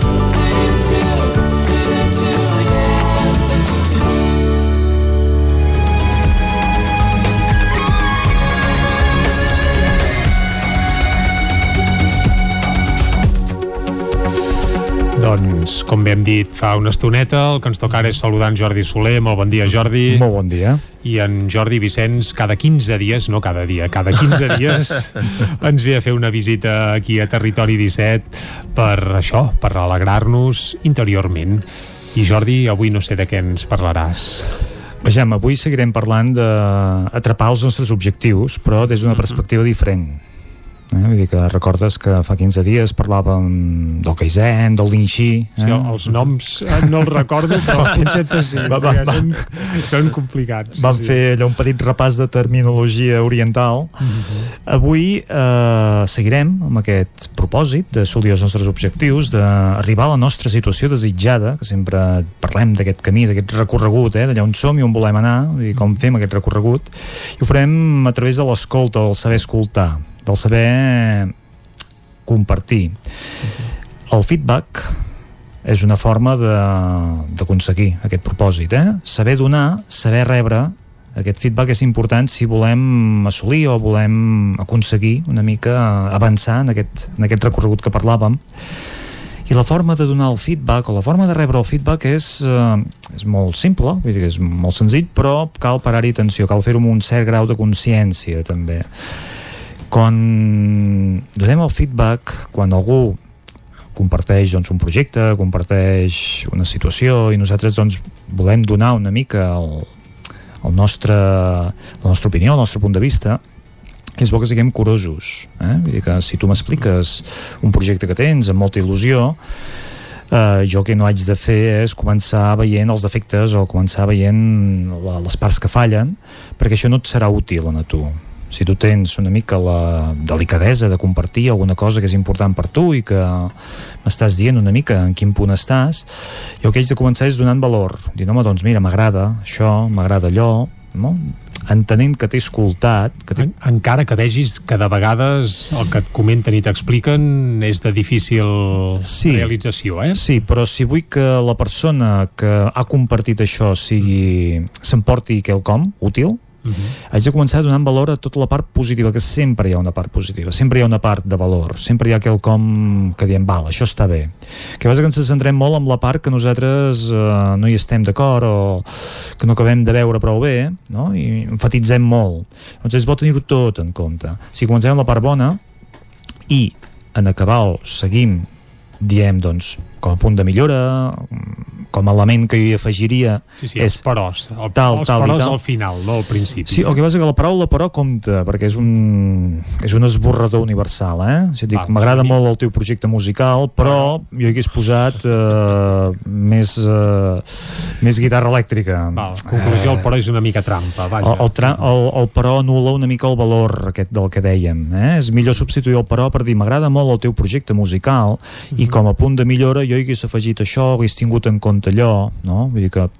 són aspectes que amb tu et poden ajudar a afegir Mm -hmm. coses en el teu projecte que ja, ja, ja existeix. Ser, ja... ser curós en el llenguatge a vegades és bàsic, eh? És sí. el que dius. En el fons potser és similar al però, però si dius però jo ho milloraria fent...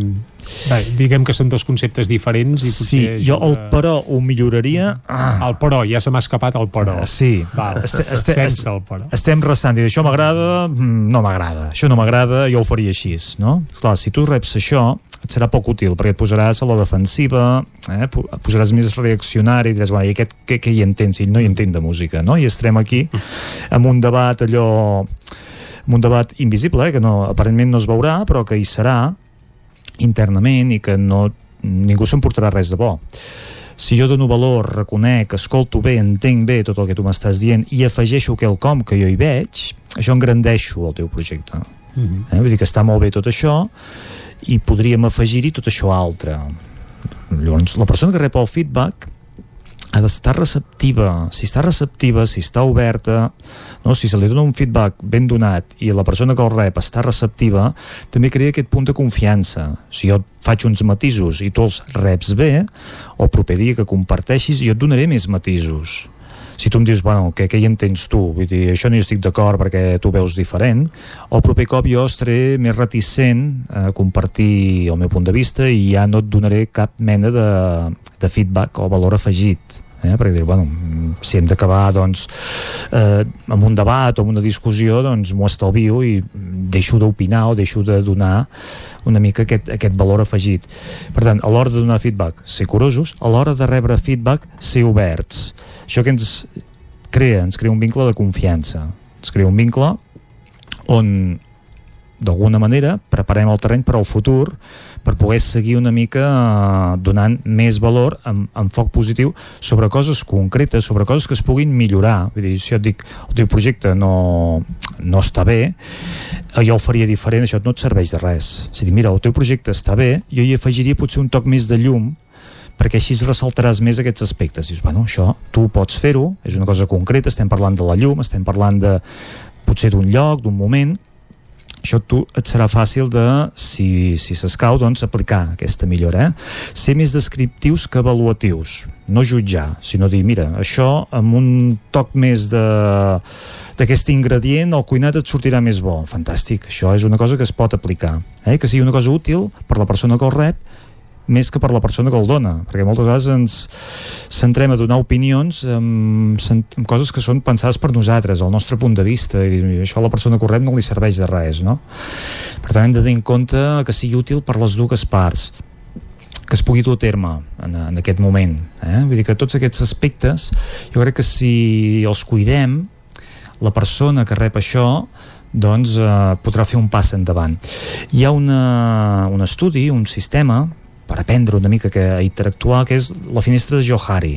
La finestra, La de, Johari, de Johari. La finestra de Johari, aquí entrem amb terminologia i noms d'aquests que, que, que a tu tant t'agraden, eh?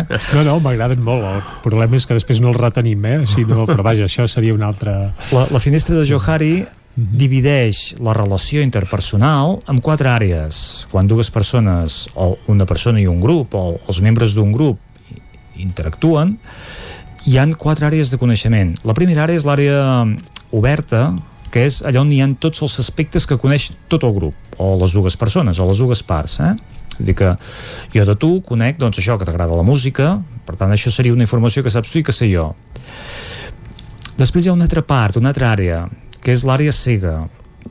L'àrea cega és la part que la persona que rep el feedback coneix, mm. millor dit, que no coneix i que l'altre sí que coneix. Vull dir que jo puc conèixer coses de tu que tu no et coneixes, que tu no et veus mm -hmm.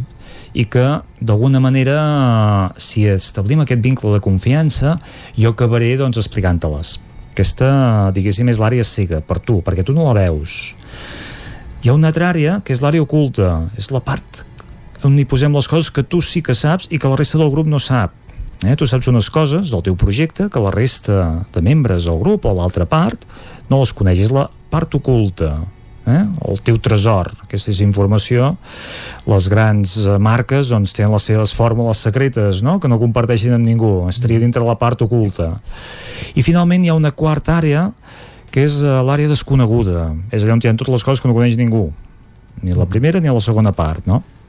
Doncs un treball amb la finestra de Johari consisteix en empetitir l'àrea desconeguda i engrandir l'àrea oberta i sobretot eh, l'àrea doncs cega, no? Vull dir, a mi m'interessa saber coses de mi que jo no sé i que els altres saben. Doncs per aconseguir que algú m'expliqui el que em falta saber que jo no sé i que els altres d'alguna forma veuen, eh, haig de ser generós i haig de compartir tot el que jo tinc a la meva àrea oculta. Vull dir que si tu, Jordi, vols que algú et dongui opinió, que et dongui valor, d'alguna manera tu prèviament has de compartir, has d'obrir eh, aquesta teva àrea oculta, l'has de posar a l'àrea oberta, eh, l'has de posar a disposició dels altres, per crear confiança i perquè els altres tinguin elements per dir, mira, doncs, ara que em dius això, mira, has parat sí, atenció amb aquest altre aspecte. la finestra i ara et dic aquest altre aspecte. Eh, vull que no moment que obrim la finestra ens obrim els altres, està bé, sí.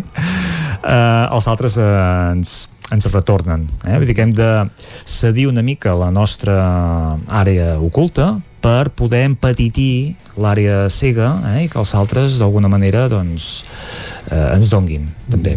I al final de tot això, quan reduïm àrea oculta i àrea cega, automàticament, per inèrcia, també l'àrea desconeguda doncs, es va disminuint, eh? perquè tu estàs donant i estàs rebent i l'àrea desconeguda és més petita, que és el propòsit. Vull dir que si fem un bon treball amb la finestra de Johari, la nostra àrea oberta serà gran, la nostra àrea cega l'anirem reduint la nostra àrea oculta també i la nostra àrea desconeguda també, que és el propòsit final, no? Uh -huh. I que per tant hem de ser molt oberts a l'hora d'escoltar opinions, hem de ser curosos a l'hora de donar opinions. Quan dic opinions és el feedback, eh? Uh -huh. I d'aquesta manera avancem, d'aquesta manera creixem. Com ho veus, Jordi? Ho veig fantàstic, és un consell uh, molt, molt, molt recomanable, no només per nosaltres, sinó per tota la gent que ens escolta des de casa, ser generosos, ara que venen dates on es parla molt de generositat i d'entregar a la resta, parlo de les dates de Nadal, doncs doncs, per aplicar-ho no per Nadal, sinó sempre, està bé que aquests conceptes que ens has acostat avui, Jordi, doncs els tinguem amb, molt en compte i segurament tots plegats aniríem molt millor. Oi, Vicenç? I tant que sí. I... És hora de tancar la finestra. Correcte, Jordi, tancarem la finestra, però t'esperem d'aquí 15 dies perquè ens il·luminis de nou. Per tant, moltes gràcies i fins ben aviat. A vosaltres. Adéu. Bon dia. Passi bé.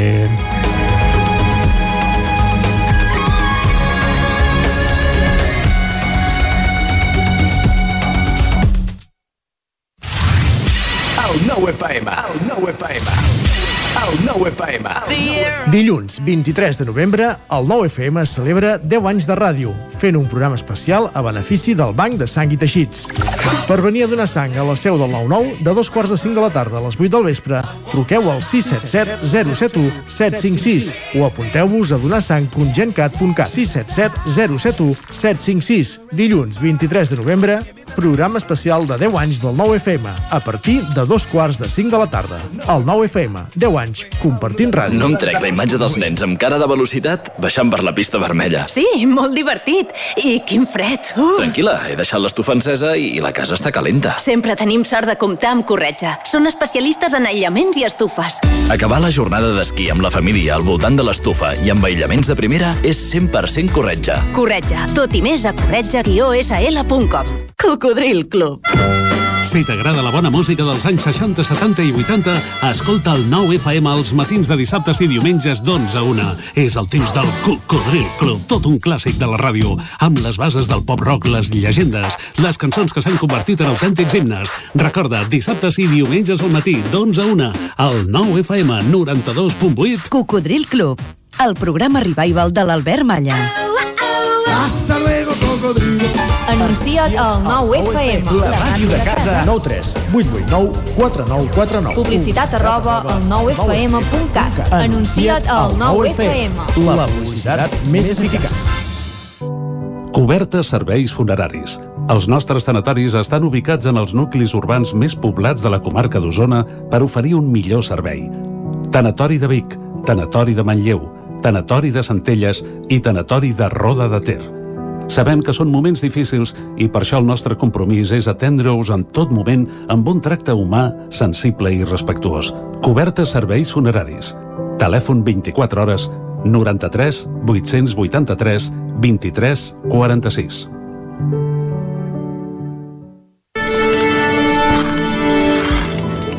L'Auditori Teatre de Call d'Atenes presenta Paraules encadenades, de Vitó.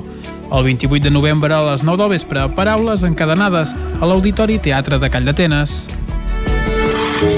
Cada territori té un atractiu, o més d'un.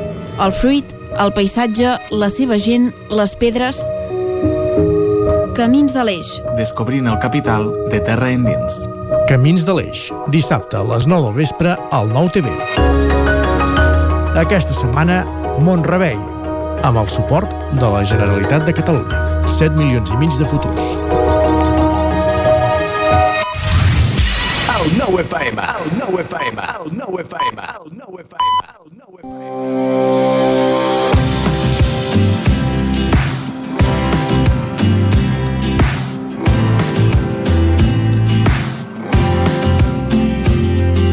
Ahir ja us vam dir que l'Urgell és una comarca rica en patrimoni, tant cultural com natural. Aquesta és probablement la raó per la qual dues de les rutes culturals més rellevants del país travessen el territori, la ruta del Cister i el conegut Camí de Sant Jaume. A més d'aquests dos grans itineraris, l'Urgell ofereix una bona xarxa de senders marcats per BTT o per caminar. La primera consta d'11 itineraris circulars que se sumen als senders de gran recorregut GR3 i GR175, que passen també per la comarca. Si el que et ve de gust és explorar fires, museus i participar a les festes, la comarca també disposa d'una oferta variada. Avui, parlant de museus, us proposem el Museu Comarcal de l'Urgell, a Tàrrega, que està format per sales d'arqueologia, sales nobles amb objectes a partir del segle XVII, la sala de Tàrrega medieval i moderna i una sala dedicada a l'artista Antoni Alzina Amills, un pintor i escultor que fins i tot va viure a Roma, deixeble de Joan Samsó. Altres opcions interessants són el Museu de Joguets i Autòmats, ara reconvertit des del 2013 en un museu espai d'art amb intencions familiars i participatives. Tot i així encara conserva exposades algunes de les més de mil joguines que hi havia. També us proposem l'Espai Guinovart a Agramunt, un centre d'art contemporani amb una trajectòria que ve marcada principalment per la voluntat de Josep Guinovart i Bertran de crear un espai per la creació i la promoció de l'art contemporani i alhora un espai amb la seva obra exposada permanentment. El municipi de Gramunt gira al voltant de la producció del deliciós torró de Gramunt, al qual dediquen un museu i una fira, la del torró i la xocolata a la pedra, que té lloc al voltant de la segona setmana d'octubre. Altres dues celebracions culturals rellevants a la comarca se celebren a la capital. Una, la Fira de Tàrrega de Teatre al Carrer, que té lloc a principi de setembre, i la Fira d'Artistes i Activitats Tradicionals al desembre.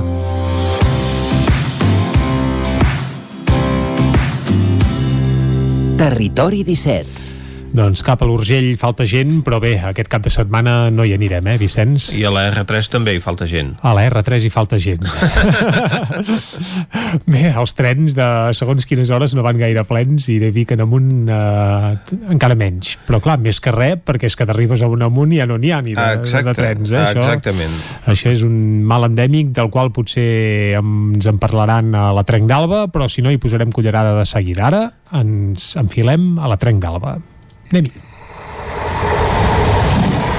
A Tren d'Alba. Cada dia els usuaris de la línia R3 de Rodalies que veuen sortir el sol des d'un vagó ens expliquen les gràcies i les penes del primer comboi que uneix Ripoll i Barcelona.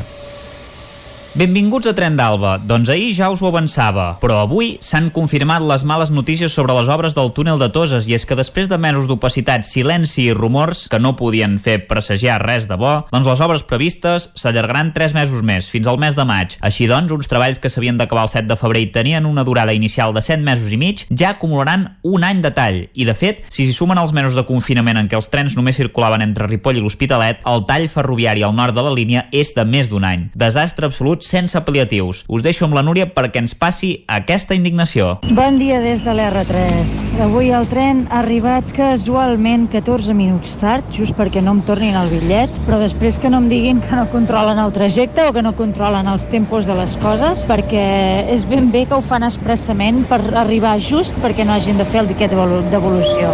Bé, avui al matí s'ha llevat més fred que els altres dies, els vidres dels cotxes ja estaven ben glaçats i realment es notava notava sortir a fora a la fresqueta que feia. Quan hem entrat al tren hi havia una parella que cridaven força, però bueno, per sort han arreglat el que havien d'arreglar i ja no han empipat més. A mig trajecte una noia ha començat a explicar que li acabaven de dir que no calia que anés a on hagués d'anar i que baixaria a la següent estació, que era el Figaró. Com sempre, la Garriga ha entrat una gentada espectacular, ja tots els seients estaven plens. Una dona deia que eh, no havia mirat no sé què perquè com hoy venia bien el tren, doncs mira, el tren igualmente se ha retrasado al cap d'una estona, vull dir que res, que comparteixo amb ella la sorpresa de la puntualitat tan poc habitual, però que ha durat molt poc l'alegria. La, Aquí avui pensava que potser podrien aprofitar una mica més les pantalles del tren, que no serveixen absolutament per res, perquè ni tan sols a vegades anuncien a l'estació que arribaràs, sinó que podrien aprofitar per ensenyar alguna cosa interessant, no sé. Ja no dic fer les notícies actualitzades com fan al metro, perquè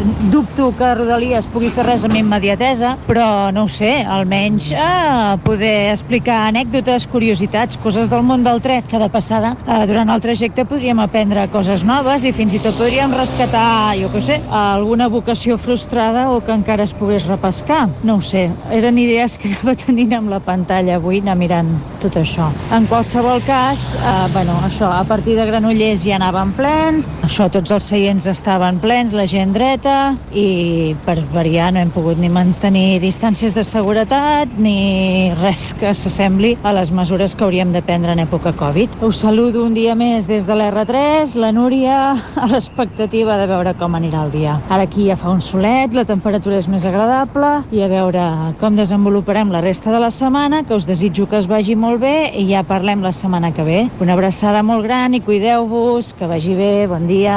A les pantalletes del tren hi podríem emetre la crònica de la Trenc d'Alba, a veure si se'ls hi cau la cara de vergonya després de tants desastres. Dia sí, dia també. Va, ens retrobem demà i recordeu que ja portem un retard acumulat de 5 hores i 33 minuts des de l'inici d'aquest mes de setembre. Territori 17 El racó de pensar a Territori 17 Doncs bé, s'ha acabat la R3, entre la sintonia del racó de pensar, però Vicenç, apuntem el que deia a l'inici l'Isaac Muntades de, bé, que les famoses obres que hi ha a Ribes de Freser a la R3 doncs van per llarg, eh? Sí, ahir ja apuntàvem que això seria així, en una reunió que es va mantenir ahir la tarda encapçalada per la delegada del govern, doncs es va confirmar que fins al mes de maig no es reobrirà el túnel de Toses. Això vol dir tres mesos més pel com a mínim d'obres perquè sí, ja, si s'havien d'acabar el 7 de febrer ja... el 7 de maig mm -hmm. haurien d'haver acabat si fossin 3 mesos però el mes de maig encara li quedaran 3 setmanes i veurem què acaba passant. Uh, Sí, jo no posaria la mà al foc però uh, vaja perquè a partir del maig el tren arribi ja fins a Puigcerdà. És a dir, ja ens ho trobarem bé prou. A la R3 ja se sap que cada dia és una aventura i bé, i de despropòsits n'acumulem uns quants ja. I tant. On no hi ha despropòsits és el racó de pensar amb la Maria López, a qui ja saludem de seguida, oi que sí, Vicenç? I tant que sí, Maria. Doncs va, Maria, bon dia. Bon dia, Maria. Ai, ai, que no la sentim, a la Bon Maria. dia des de Ara. Cardedeu, companys de Vic, i benvinguts sí. a un nou racó de pensar. Gràcies. Aquest dimarts, 17 de novembre, se celebrava el Dia Mundial de la Prematuritat, un fet que es dona molt més del que pensem i del que no tenim massa informació sobre què suposa. Mireu, cada any neixen al món 15 milions de nens i nenes prematurs, és a dir, nens en què la seva gestació finalitza abans de la setmana 37. D'aquests, molts sobreviuen sense cap seqüela, altres ho fan amb seqüeles físiques o psíquiques més o menys greus i alguns, malauradament, també moren. La investigació en aquest camp avança tant del coneixement científic com del desenvolupament tecnològic i cada vegada es dona més importància a la influència que té l'entorn sobre aquests pacients. Tot i així, es tracta d'una situació que requereix d'una atenció i suport molt especials. No tots els hospitals estan preparats per atendre un nadó prematur i pel que fa a les famílies, segurament tampoc estem especialment preparades. Per parlar de tot això, avui contem amb la Irma Vallès. Ella és mare de la Joana, que tot just fa uns dies ha fet els 5 anyets i va néixer prematura. Bon dia, Irma. Hola, bon dia. I contem també amb la Gina Xàquia, és infermera de pediatria i també ha format part de l'equip de prematurs de, ne de neonats a l'Hospital del Mar. Bon dia, Gina. Hola, bon dia. Som-hi, doncs, 15 milions de nens prematurs i, Irma, la Joana és un d'aquests nens. Uh, tot just fa uns dies ha fet 5 anyets, però explica'ns una mica el teu cas. Amb quants mesos de gestació va néixer la Joana i com va anar? Doncs mira, la Joana va néixer a la setmana 29 i 5 dies, i remarco els 5 dies perquè cada dia és molt important, cada dia que passa uh, un nadó dins de la panxa de la seva mare. Um, tot anava molt bé, l'embaràs anava bé, de fet a la setmana 28 de gestació vaig anar a fer una eco de rutina i tot anava perfecte, i de cop i volta, la nit d'un divendres a un dissabte vaig començar a trencar aigües, Uh, vaig despertar el meu marit, corrents cap a l'hospital, que teníem de referència, que en aquest cas era el Santa Caterina a Salt. Uh, vam anar corrents cap allà, allà ens van dir que, que tot anava bé, que la criatura estava viva, uh, perquè jo vaig acabar de trencar aigües allà al mig, i em van posar una injecció de, per, de maduració, que en diuen. Llavors em van explicar que aquest hospital, com tu molt bé deies, no tots els hospitals estan preparats. No estaven preparats a Santa Caterina per, a, per si la Joana naixia en aquells moments, poder-la atendre en, en bones condicions. Llavors ens van explicar que ens derivarien a l'Hospital Trueta. Uh, la doctora va anar a fer les gestions i al cap d'una estona va tornar i va dir que al Trueta no hi havia cap, cap llit disponible i que ens enviaven a la Vall d'Hebron amb ambulància, que jo estigués uh, um, estirada, reposada, que la criatura estava bé, però que podia néixer en qualsevol moment. Clar, uh, tu et dius, ostres, setmana 29, uh, pot néixer en qualsevol moment, mm, ostres, mm, com, com pot néixer, no? què li pot passar? I comença uh, la incertesa, la por i el terror, perquè no saps què pot passar. No? Uh, va venir l'ambulància, ens vam anar a l'Hospital de la Vall d'Hebron i sort allà d'una infermera molt trempada que ens va tranquil·litzar, ens va explicar que a la Vall d'Hebron uh, amb molta probabilitat, a partir de la setmana 25 de gestació, els nens que naixien ja tiraven endavant. Amb, amb, amb més dificultats o menys, però que tiraven endavant i que sobrevivien. I aquesta infermera jo sempre li, li tinc molt, molt, de, molt record i molt de carinyo. Per tant, és molt important la funció que fan les persones que tenen de seguida no, la, les mares, aquest primer contacte, perquè realment jo mai he passat tanta por com aquella nit. No? I aquesta infermera doncs, eh, ens va tranquil·litzar moltíssim. Eh, bé, van aconseguir que, que jo no anés de part, i la, la Joana va néixer al cap de 5 dies. Només van poder retardar el, el part 5 dies. La Joana, quan va néixer, pesava 1,50 kg i media 42 centímetres, era molt petitona.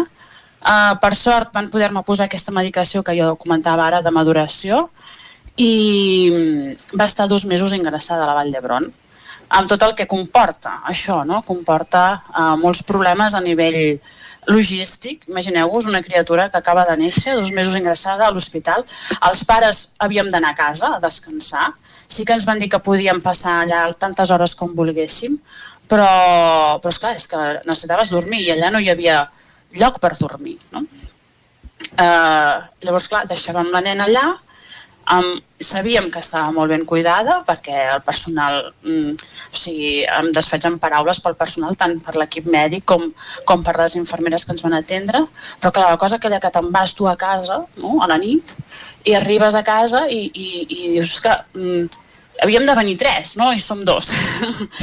és una sensació molt bèstia. A nivell emocional és una situació mm, que impacta moltíssim. Um, bueno, una mica, la, la cosa és que la Joana, al cap de dos mesos, clar, li faltaven dos mesos d'embaràs, doncs al cap de dos mesos ens van donar l'alta.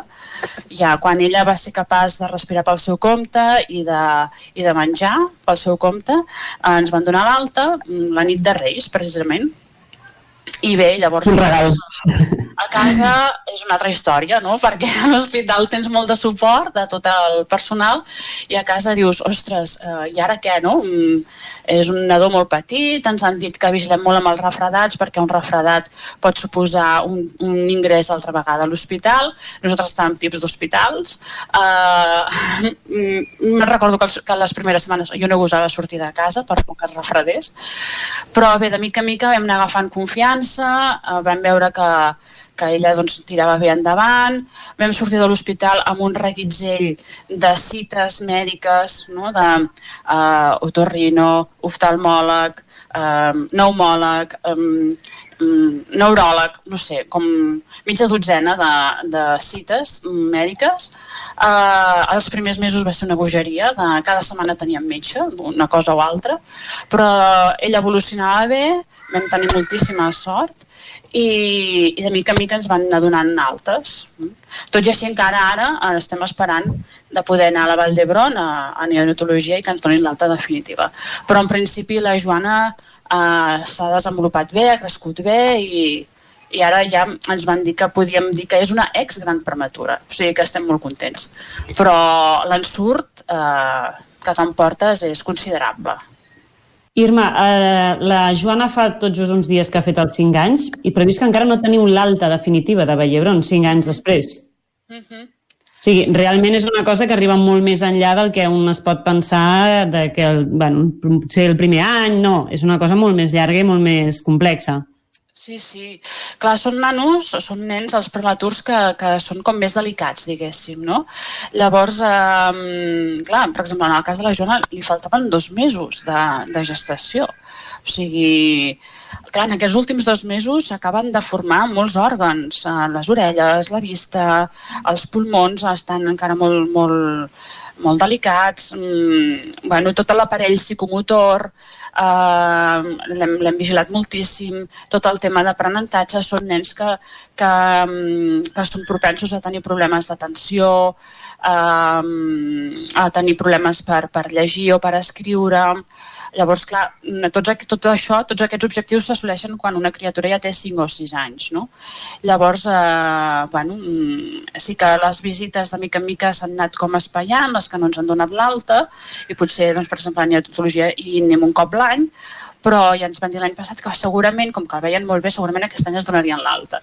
La cosa és que ara amb, amb la pandèmia i això ens han com aplaçat la cita, però bueno, estem esperant ja de poder fer aquest pas, no? de dir vinga, tanquem porta a tot aquest tema. No?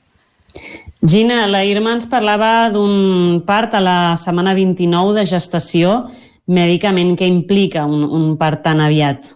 Doncs un nen prematur, principalment, el, la, la major adversitat a la que s'enfronta és a la immaduresa, a la falta de temps, eh, a la panxa de la mami, per poder-se desenvolupar. En el moment en el que neix abans, doncs hi ha tant implicacions a nivell del cervell, que això després eh, pot afectar l'aprenentatge, eh, hi ha afectacions a nivell també digestiu, d'immaduresa, de lo mateix, de potser des d'un de, inici no poder alimentar-se per boca directament, sinó que necessit, bueno, necessita eh, l'alimentació bé per vena o, o per una sonda nasogàstrica, perquè no, encara no té el reflexe de succió.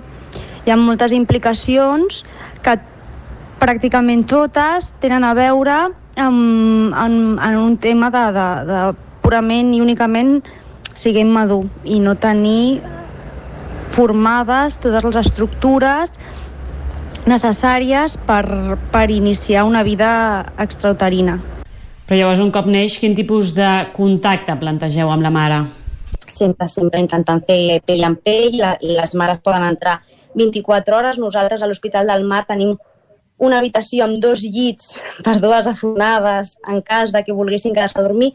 Crec que el tema, el tema del Covid, això ara ja mm, diria que no es pot. No estic 100% segura perquè estic a la primària ara, però, però bueno, que la idea en principi era que si hi havia algun nen molt prematur, perquè la nostra, la nostra UCI és molt petiteta, llavors era difícil que s'ajuntessin, no és com la Vall d'Hebron, que sí que és veritat que s'ajunten moltes mares i és complicat permetre que totes aquestes mares puguin estar 24 hores, encara que seria l'idoni, però no es pot perquè, evidentment, les mares han de dormir i no hi ha espai, però nosaltres, al ser una unitat petita, sí que intentàvem, doncs això, teníem una, una, una habitació petita amb dos llits on es podia quedar la mare, també per, si en el moment que ja podien in, iniciar lactància, també intentar, encara que sigui, posar-los posar, nit, fer el amb pell, si estaven en fototeràpia també fer la foto amb la mare, que la mare pugui... La fototeràpia és per l'audiència amicterícia.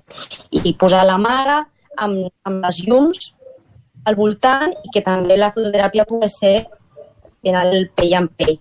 Ara amb el Covid crec que tot això estan una mica malauradament cap enrere perquè no, no, no es permet només una persona en principi i s'ha d'escollir entre pare-mare, mare-mare o qui, qui, qui vulgui ser la persona que acompanya el nen i en principi sempre ve la mateixa persona i, no pot, i el de dormir no estic segura però és probable que ja no es que ara mateix no es pugui.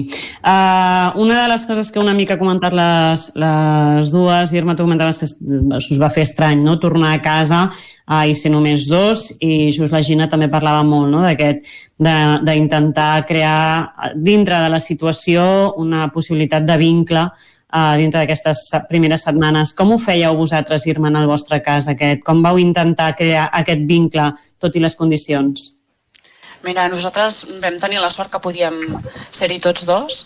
Uh, fèiem el mètode cangur, no? això del pell en pell, uh, que és posar-se la criatura al, al pit, amb ella només amb bolquers i, i tu sense roba, llavors t'abrigues, no? l'abrigues una mica amb ella i la veritat és que és una sensació molt relaxant tant per la criatura com, com per la mare o el pare, que, que en el cas d'en Miquel, el pare de la Joana, també, també ho feia i passar tantes hores com poguéssim amb ella, no? ni canviàvem els bolquers a l'hora de, fer, a l'hora de menjar, que ella al principi menjava amb una sonda nasogàstrica, doncs també hi érem, no? El, eh, el tema de l'alimentació, jo em vaig poder treure la llet, eh, anàvem al lactari i sort del lactari perquè en allà vam conèixer altres famílies, o jo vaig conèixer altres mares i a partir d'aquí en Miquel també va conèixer altres pares, vam conèixer altres famílies i aquestes famílies ens hem fet molt de suport, tots, fins i tot ara que ja han passat 5 anys, gairebé cada dia ens escrivim whatsapps, no? de com esteu, de què feu, uh, i, i la veritat és que és una cosa més la cosa positiva de tota aquesta experiència haver conegut aquestes altres famílies. No?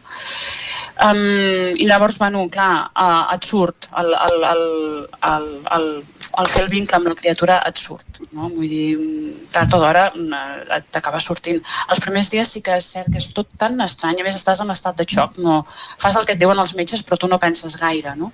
Però a mi em van donar l'alta gairebé el 24, al cap de 24 hores d'haver nascut la Joana. La Joana es va quedar a l'hospital, jo estava, bueno, acabava de parir, però ja era a casa, però no tenia criatura, era molt estrany, no? Um, i, i bueno, això, ara se m'ha anat una mica... Realment el pell...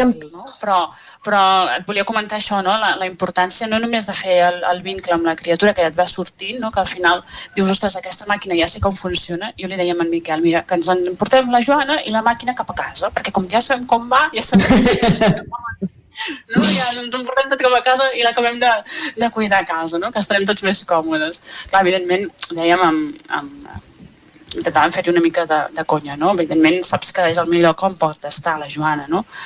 Però, mm, però aquesta sensació de dir, ostres, vull marxar i me la vull endur i al final, eh, cada, quan més dies passen, més difícil és, no? De, de gestionar aquesta situació.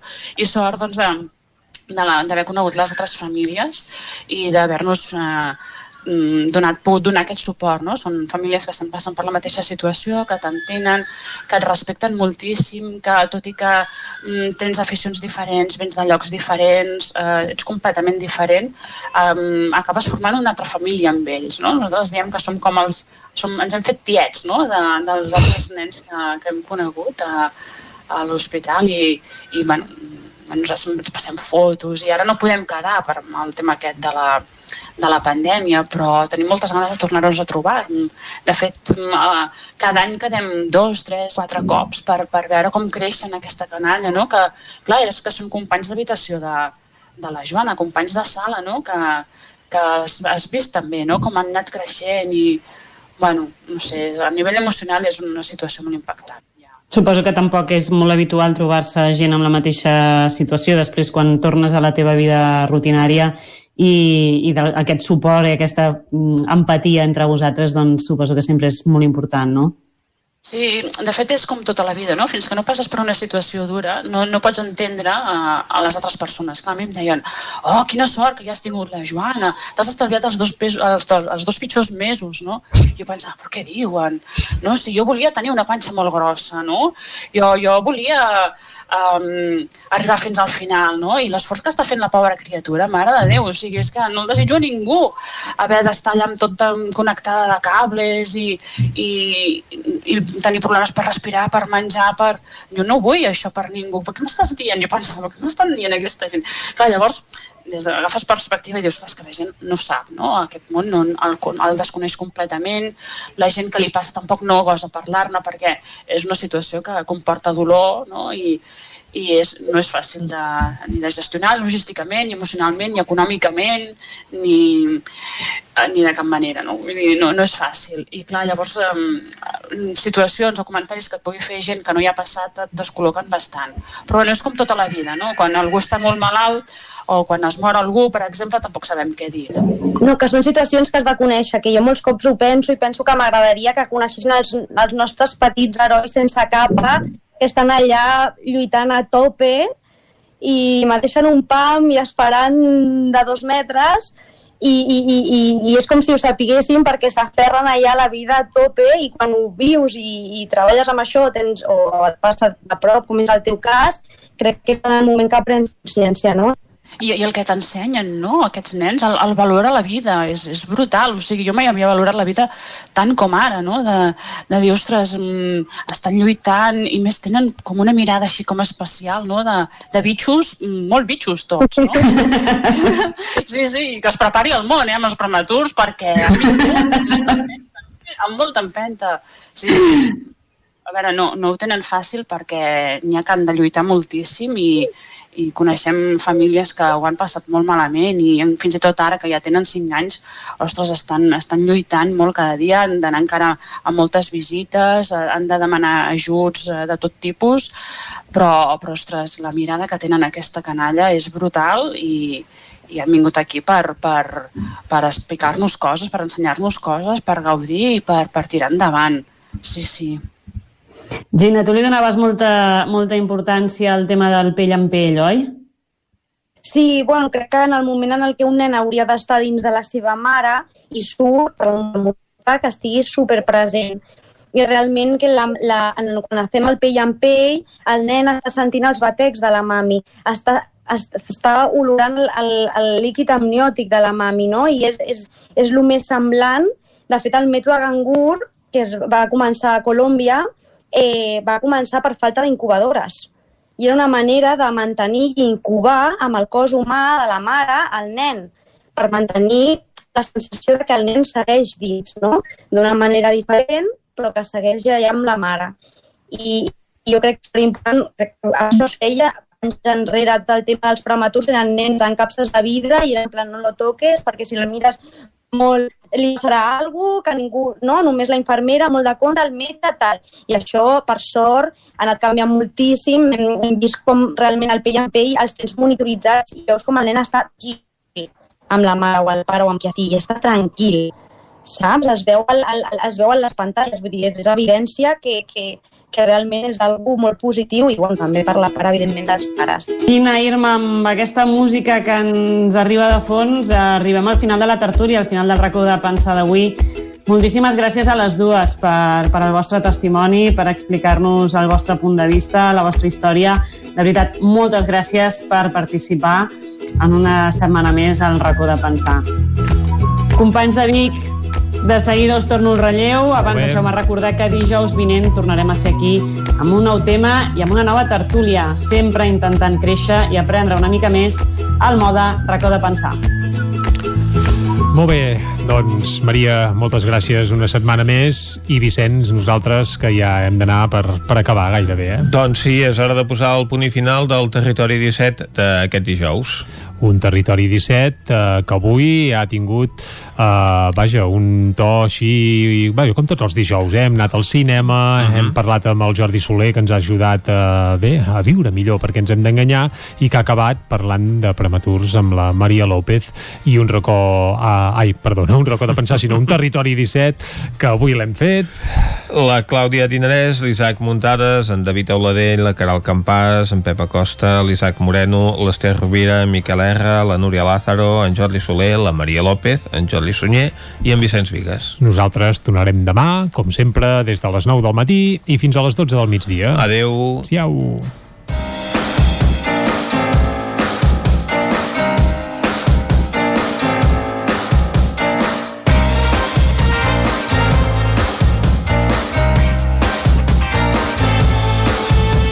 Territori 17 un magazín del nou FM. La veu de Sant Joan, Ona Codinenca i Ràdio Cardedeu amb el suport de la xarxa. El nou FM